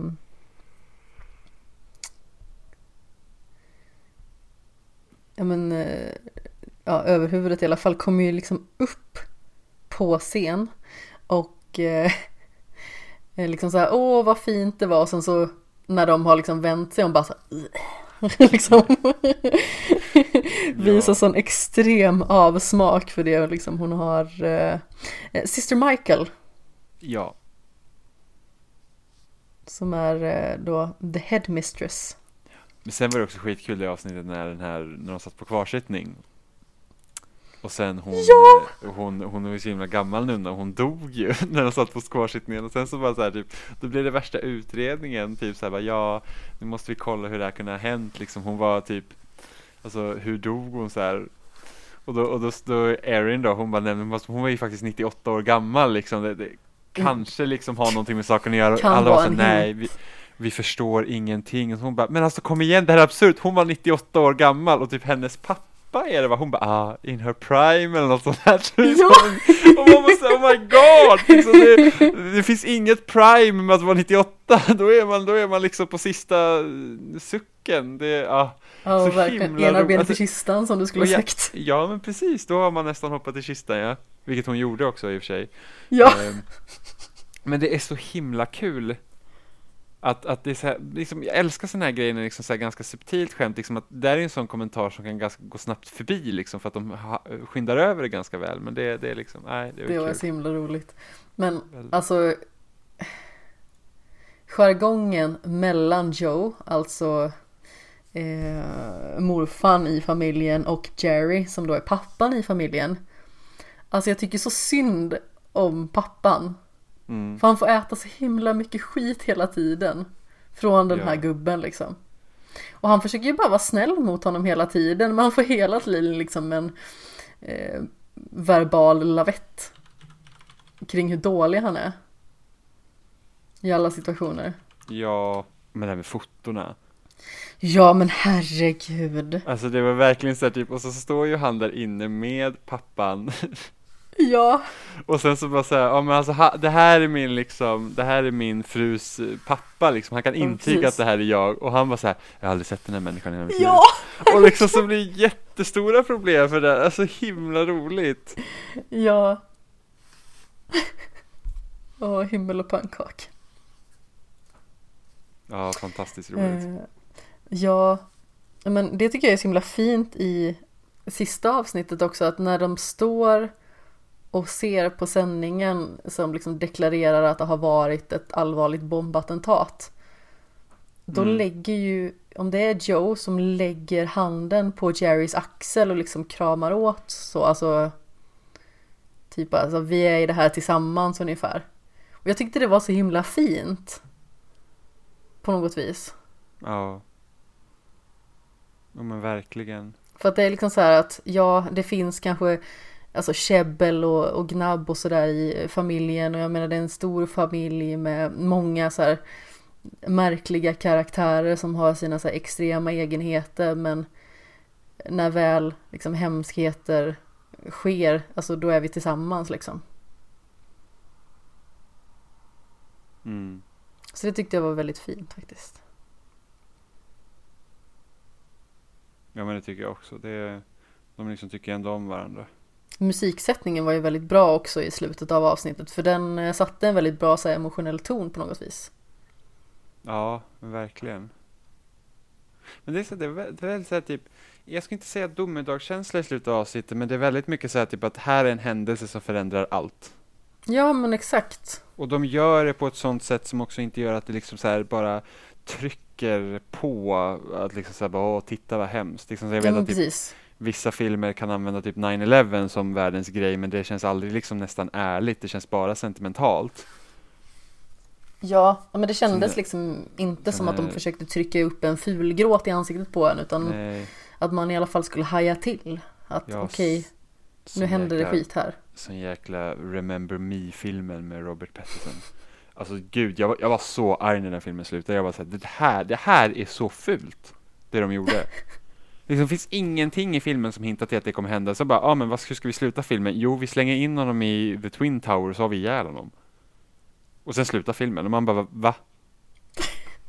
Nej, fruktansvärt. Alltså det var verkligen så här, det här är liksom, det här, det, usch. Det är typ som att köra så här, ja men vi kör en så här period piece uh, Gracie Moyes på typ eh, 1900, början av 1900-talet och så slänger vi på karaktären på Titanic och sen slutar vi filmen. ja men liksom kom igen. Nej, nej det var riktigt jävla kast alltså. Ja, nej men som sagt, jag tycker det ska bli väldigt intressant att se vart de går med andra säsongen. Jag tror att det är flaggat för att det ska komma en tredje säsong också. Mm, kul. Ja, alltså jag hoppas att den fortsätter på, på det här viset för jag tyckte att den var väldigt rolig. Ja, och, och lagom liksom. Sex avsnitt. Den hade i och för sig kunnat vara lite längre. Alltså ärligt talat. Ja, absolut. Den hade kunnat varit typ tio avsnitt med tanke på att de är så korta och då hade man fått liksom komma karaktärerna lite närmare men Men Ja. eh, Men sen så också liksom så här att det är ju satt på en plats som är väldigt mycket annorlunda i relation till vad vi kanske ser. Alltså vi ser ju generellt väldigt så här eh, stereotypa USA, väldigt stereotypa England, alltså sådär. mm, Alltså när vi väl ser det. Men liksom att så här fila in sig mitt i Nordirland liksom i en liten stad. mm, Det är väldigt intressant tycker jag. Och framförallt så alltså, det är ju jätteroligt dialektalt bara. ja, verkligen. De säger ju så himla mycket saker som, alltså hade man inte haft dubbning på så hade det varit så här, ursäkta? Vad händer? Ja, ja men verkligen. Ibland så, alltså de böjer orden som man säger, jag hörde inte ens vad du sa nu. Nej. Ja, det, det låter som att de liksom lägger en extra alltså, cirkel på varje ord, liksom så här, bågar till orden, eller vad man ska Mm. säga. Jag kan inte förklara det bra. Orden blir Nej, men- extra runda i alla fall. Ja, men jag förstår. Väldigt underhållande. Som sagt, alltså dialekten gör ju väldigt mycket, tycker jag. Ja, Sen så, ja men som sagt, alltså karaktärsmässigt, jag tycker att det är väldigt roligt för att de är väldigt olika allihop. Jag har lite svårt för Erin dock. mm, Alltså det, det är någonting med henne, alltså som sagt, de andra tycker jag ändå känns mer realistiska. För att det känns som att, okej visst, alltså typ Claire till exempel, hon är ju jätteuppskruvad och det är väldigt roligt när hon har druckit på tok för många energidrickor liksom och har mm, världens liksom urballning på G. Eh, mm, Men det känns ändå liksom mer jordnära. Det känns som att Erins karaktär spelar väldigt mycket framför, alltså framför kameran, eller vad man ska säga. mm, Med sitt minspel och sitt konstiga sätt att prata ibland. Jag vet inte, det är någonting, alltså som sagt, det är en rolig karaktär också. Det är ingen dålig karaktär på något vis, men det är vissa saker som bara såhär, vad fasen, vilken planet kommer den här karaktären ifrån egentligen? mm, ja, jag förstår. Fast det var ingenting som du eh, störde dig på. Nej, nej, nej, det gjorde jag inte. Jag, alltså, som sagt, jag, jag, håller, jag ser ju vad du säger. Liksom, hon, är, hon är ju den som är, vad ska man säga, hon är den som spelar mest om man säger så. Men hon spelar över väldigt mycket.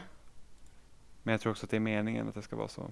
Ja, alltså hon är ju väldigt överdramatisk hela tiden. Det är Mm. väl tanken liksom för att hon ska vara någon form av så här fröken perfekt men hon misslyckas hela tiden med att vara det.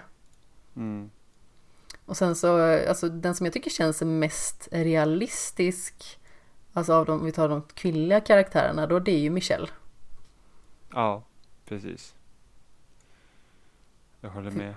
Visst, alltså hon är ju inte på något vis en lågmäld karaktär, men hon känns ju väldigt mycket som en karaktär som faktiskt existerar. Mm. Ja men precis. Och, eh, ja men, just hon och James ihop blir väldigt roligt, för hon hackar ju hela tiden på honom. Ja.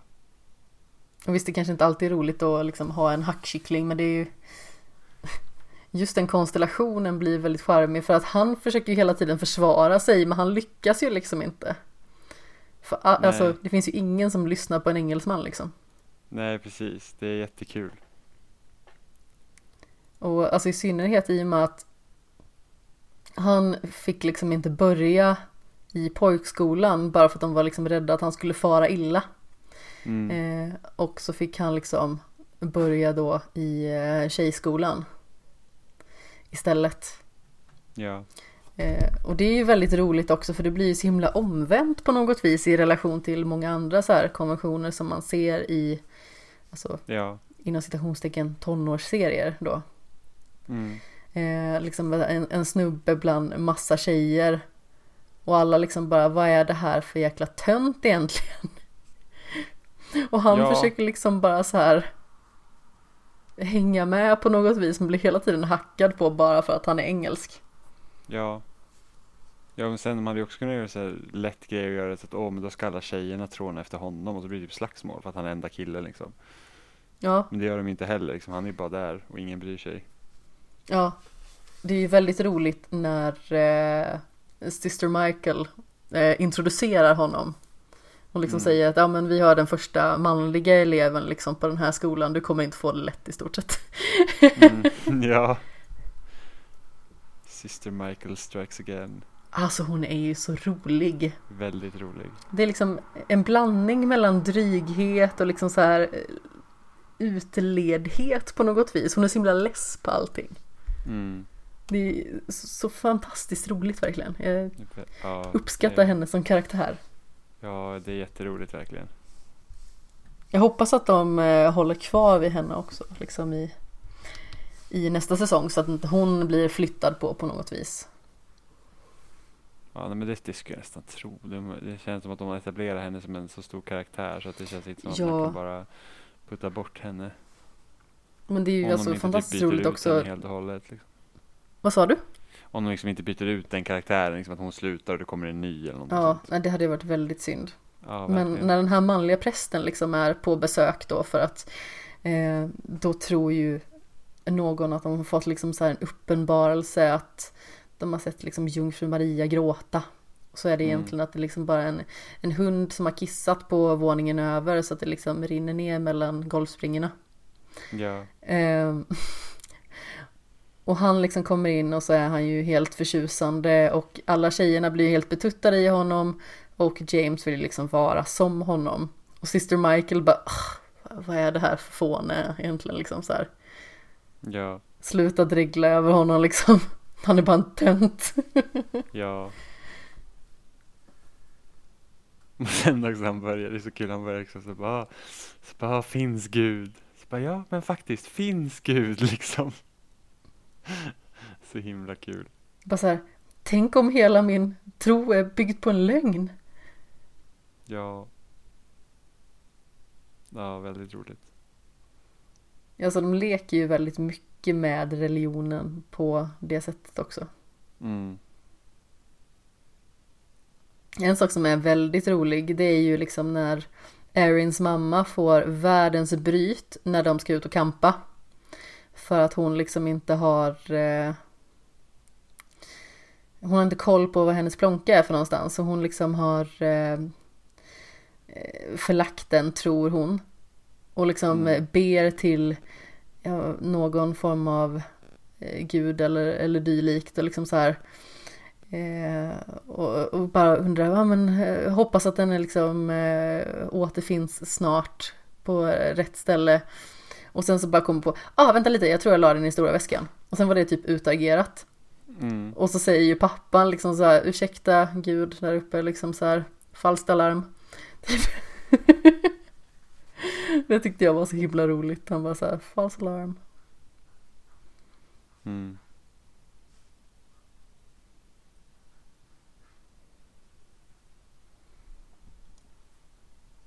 Som sagt, det är en, eh, en rolig serie. Alltså, bara en sån sak som att det är en snubbe som försöker att eh, följa med dem över gränsen genom att han hoppar in i deras bagagelucka också.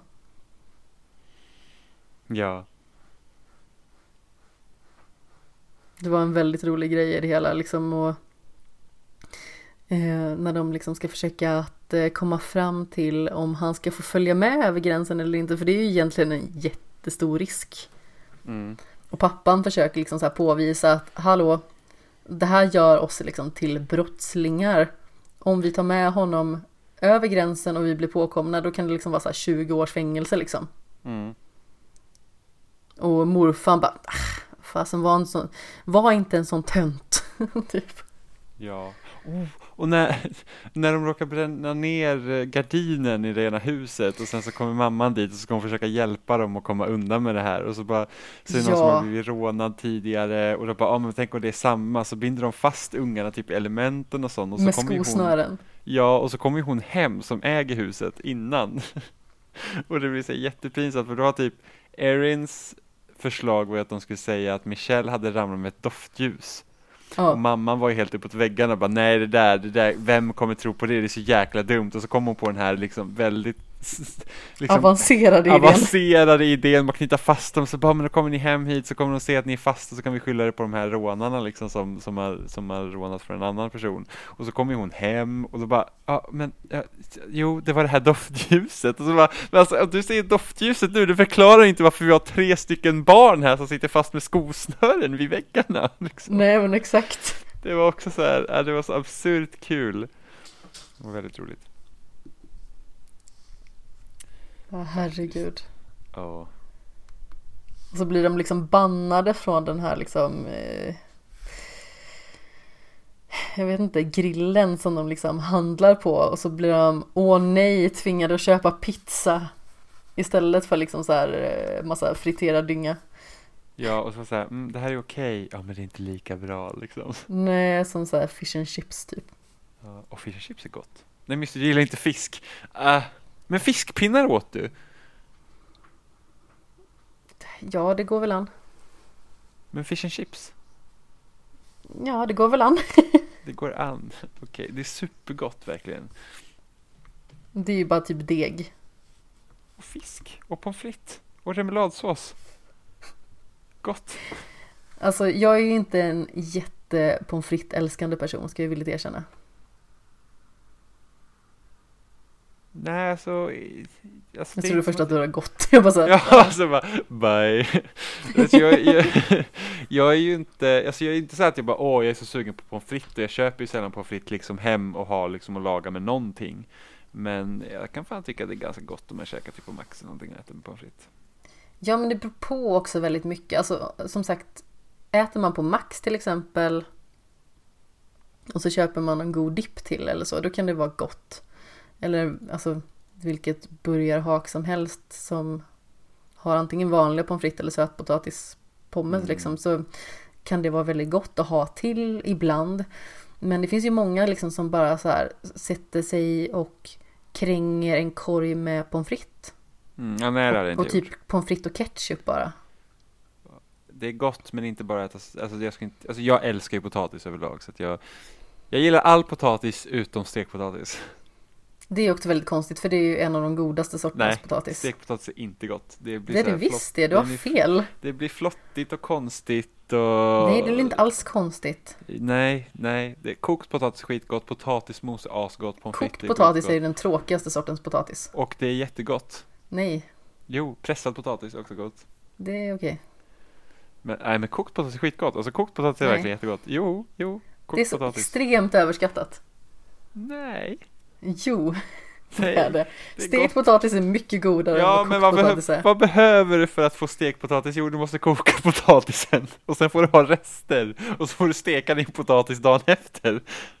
Mm. Nej, stekpotatis är usch. Men du har ju fel. Bakpotatis är jättegott. Det är gott. Ugnsbakade, alltså så här potatishalvor i eh, ugnen är också skitgott. Ny, och kokt färsk potatis är för fan skitgott. Alltså det, det skulle jag kunna typ kunna äta som godis, ärligt talat. Man tar, Ursäkta, va? man tar, man kokar ny potatis och sen så har man typ någon god så här, typ man tar gräddfil med och så hackar man gräslök i där och så, mm, mm, mm. Det är skitgott. Herrejösses. Jag bara säger, jag kan inte äta bara pommes frites och nu bara, jag kokar potatis och äter som snacks. Alltså så besynnerligt. Det, Var hamnade jag ens? Ja, nej det är, det är jättegott. Nej men potatis är fan, men hemlagad potatismos det slår fan allt. Det är den Ja, bästa det är formen av potatis. gott. Alltså typ så här hur mycket smör i som helst och bara salt och peppar och mm. Och så lite vitlök på sidan om. Ja, Det, det är faktiskt jag inte skitgott. riktigt. Det är faktiskt skitgott. Man, man kokar potatis. Salt och svartpeppar ska det vara i. Ja, jag kör vitpeppar. Mm. Eh, Det, men det är gott. Alltså man tar, man tar, man tar, man kokar potatis. Och sen så tar man en klick smör. Och så Mycket smör. smör, men inte i potatis, man kokar bara potatis och så sätter man det på tallriken och så mosar man bara lite med gaffeln och så tar man en klick smör på kanten på tallriken och bara drar av och sen tar man vitlökspulver och pepprar på och sen äter man det. Det är skitgott. Det är någonting med att man tar en smörklick på en tallrik som är. Alltså det är samma sak, jag äter ju jag äter kokta ägg med smör. Vilket folk tycker är konstigt för att det är tydligen inte något man gör här i Sverige. Nej, Det det, man, var oerhört besynnerligt. man kokar ägg, Jo, jag lite förstod. lösa. Ja, precis, bra. Inte rått. Usch, vad äckligt. Kokar ägg, sätter man där, knackar på kanten, skalar toppen av ägget, tar man en smörklick på kanten av tallriken, drar av och så saltar man det och så tar man sked och så tar man lite smör och så doppar man det i ägget och så äter man. Åh, åh. Så äter jag mina kokta ägg, jämt. Jättegott. Oh, Okej. Hade du, gillat det? ägg, hade du gillat ägg så hade du älskat det. Jag är väldigt skeptisk i ärlighetens namn. Men varför, varför ska du inte, alltså du kan ju äta så här stekt, alltså säg att du stek, ja, men inte på det, koka ägg, krossa ägget, alltså typ mosa det kokta ägget lite och så tar du en rostmacka, rosta mackan, bre på smör och så har du ägg på det, det är ju samma sak. Fast det gör jag inte heller. Nej nej, men det är ju så, så det är inte, kon, alltså, det är inte konstigt än så att ha smör med ägg, det är jättegott. Alltså pröva det kära lyssnare Nej. hemma, koka ägg och så äter ni det med saltat smör. Så vad Super. är det här? Däremot kryddsmör till mat är jättegott tycker jag. Typ, typ vitlökssmör och Mm, alltså jag tycker Vitlökssmör kan vara gott men jag tror att min favorit är nog Café de Paris. oh, Tycker jag är gott. ja. Du lät väldigt skeptisk här. Ja, nej, men det, det är någonting med Café de Paris som jag inte, det är någonting med den smaken som jag inte är riktigt vän med. Jag tycker i och för sig persiljesmör är också gott. Ja, persiljesmör är jättegott. Fast Café de Paris går det. Dillsmör också gott. Hmm. Men Alltså jag har inte, inget emot dill ändå. Du, men du alltså, äter så. inte, ja men när, när skulle du äta dill när du inte äter fisk? Jag vet inte. Exakt. Jag har inget emot dill. Jag kommer ihåg att när jag var barn eh, på den tiden man typ fortfarande åt fiskbullar. Ja, fy fan. Då var det ju väldigt mycket så dillsås liksom. Ja, ja men fiskbullar det är fan, det är alltså den som, ja usch. Ja, det, det, jag har ätit fiskbullar en gång i mitt liv och det, ja fy fan. Alltså det är som, sl- alltså s- slemmiga, sladdriga bollar utan någon konsistens. Eller Ja, det är tuggmotstånd. ju ingen konsistens. Nej, det är liksom bara så, va- alltså, nej. Usch. Vad besviken du lät. Ja men alltså det, usch, usch. Och kroppkakor också en sån här grej som jag inte förstår att folk tycker om. Nej.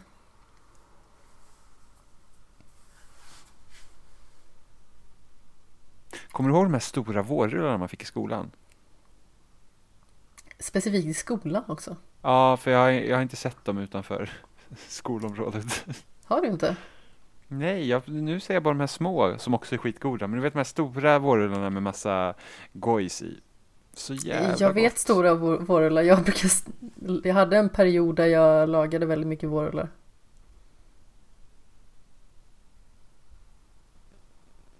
Köpte hem en påse och så hade jag typ ris till. Mm.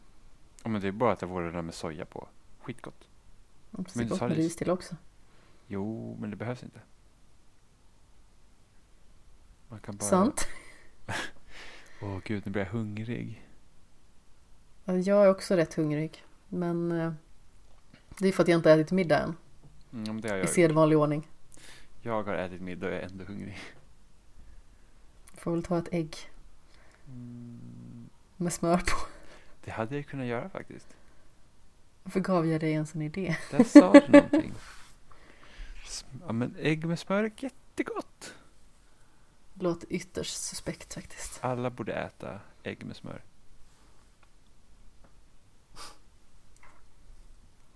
Där har vi en kandidat i alla fall till avsnittsnamnet. Ägg med smör. Ja, det låter ju... Du hör ju själv hur vidrigt det låter Jimmy. Låter jättegott. Ägg gott, smör gott. Bara gott gott. Dubbelgott. Mm. Jo. Mm. Alltså bara det att ägg är med gör ju det redan, det är liksom att det är hälften vunnet. Jag tycker att det är smöret som är vinnaren i det hela om jag ska vara helt ärlig. och jag, som, jag pratade med min syrra tidigare idag och hon var så här, hon, hon, prat, hon sa till sin kille att han skulle köpa något gott, någon dessert som hon ville äta när, när han kom hem. Men det var jätteviktigt att det var med grädde. Och man tänker så här, men, alltså om det är något man säger med dessert, då är det ju själva desserten som är det goda och grädden är ju bara liksom en topping. Men nej, tillbehör. Nej, huvud, alltså hon, hon älskar grädde. Hon bara, nej, nej, men grädden var viktig. Det är liksom grädden som gör det. Det är lite kul.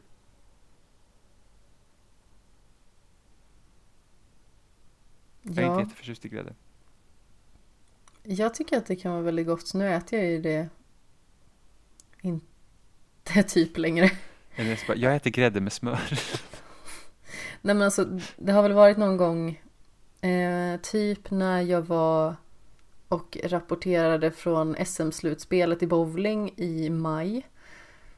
Då, alltså jag är ju inte ett jättestort liksom, frukostfan på något vis. I synnerhet tycker jag liksom att så här, hotellfrukost är väldigt överskattat. Eh, men då fanns det ju pannkakor så då åt jag pannkakor med sylt och grädde. Mm, det är gott. Ja. Och det är väl typ det, det sötaste Kräm. jag unnat mig i mångt och mycket. Kräm med grädde. Det är suveränt. Alltså jag tror inte jag har ätit kräm sedan jag gick i typ femman eller någonting. Sist jag åt kräm, det var typ en månad innan jag fick diabetes. Det var någon- toppen.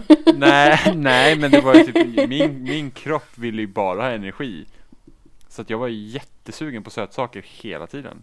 Ja, det förstår jag. Det är snabb Eh. energi rakt ut i blodet. Yes, så då köpte jag aprikoskräm, vilket är den bästa krämen.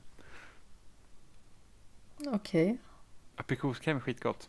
Och som sagt, jag har ju liksom ingen så här jätteerfarenhet av kräm. Jag minns att jag tyckte jordgubbskräm var gott när jag var liten. Men det var liksom ingenting jag åt sådär direkt. Alltså, alltså så länge det inte bitar i. Nej, men Alltså jag vet, vi fick typ Mm. jordgubbskräm i skolan, i den här konstiga kristna skolan jag gick i. Eh, och där var det liksom typ, eh, typ hela jordgubbar i den krämen som blir typ slabbiga och sånt. Det är skitäckligt. Det känns som typ att snä- alltså, äta den krämen var ju typ som att svälja snor liksom. Nej men usch Jimmy. Ja, jag vet.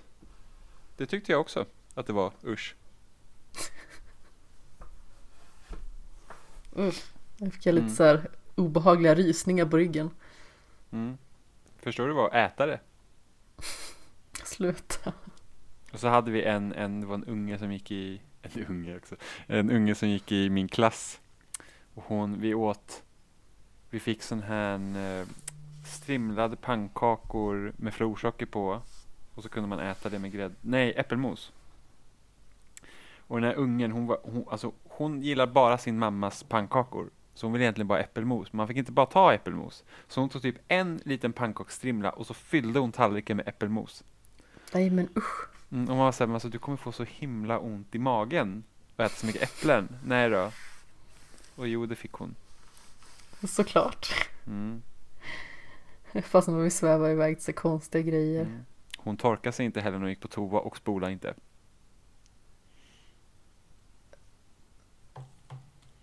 Så att, eh, ja. Va? Ja, jag vet. Alltså, hon var sju år gammal, men ändå, jag tycker man har lärt sig. Va? Borde ha lärt Va? Va? Speciellt när man gör nummer två. Så borde man ju sköta det hela. Jag vet inte, det var kanske bara hennes mammas toapapper som dög. Alltså ja, ja. Mm. Vad widerskt. Ja, Så kan man ju inte göra. man kan, man bör inte göra så. Nej, det är helt sant. Eh, Jag, jag tycker att det borde vara förbjudet. Dödsstraff.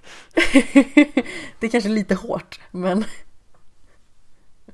man borde i alla fall få en väldigt allvarlig tillsägelse om inte annat.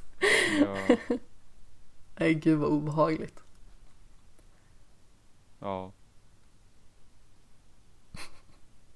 Vad säger vi? Börjar vi eh, bli redo att kalla det en dag? Eller har du något mer du vill säga om eh, Derry Girls eller någonting annat som Nej, vi har kikat på idag? ganska, jag känner mig nog ganska nöjd faktiskt. Jag också. Vet du vad? Vadå? Det här är ditt tjugonde avsnitt som du är med. Oj, oj, oj. Ja. Vad roligt. Av 32. Jag håll, håller mig håll, håller mig på rätt sida av eh, av att varit med majoriteten av avsnitten. Ja men exakt. Ja det är fasen eh, strångt jobbat ändå. Och det har ju varit väldigt många poddtimmar där till. Ja, det har det. Det har det, det har det. Ja men så eh, Jag skulle bara informera om det. Jag tänkte att det var lite så kul ändå. Eh, vart finner man dig för någonstans? I vanliga Eh, fall. Jag skriver om spel på loading.se och eh, jag pratar om spel i Spelsnack. Som också är en podcast som finns förmodligen i den appen du lyssnar på det här på. Förmodligen. Yes. Och jag twittrar sporadiskt på Separat 13. Jag twittrar nästan ingenting nu, men jag hinner inte. Eller jag hinner. eh, Inte så. Hinner gör man om man vill, men jag har inte haft något att säga.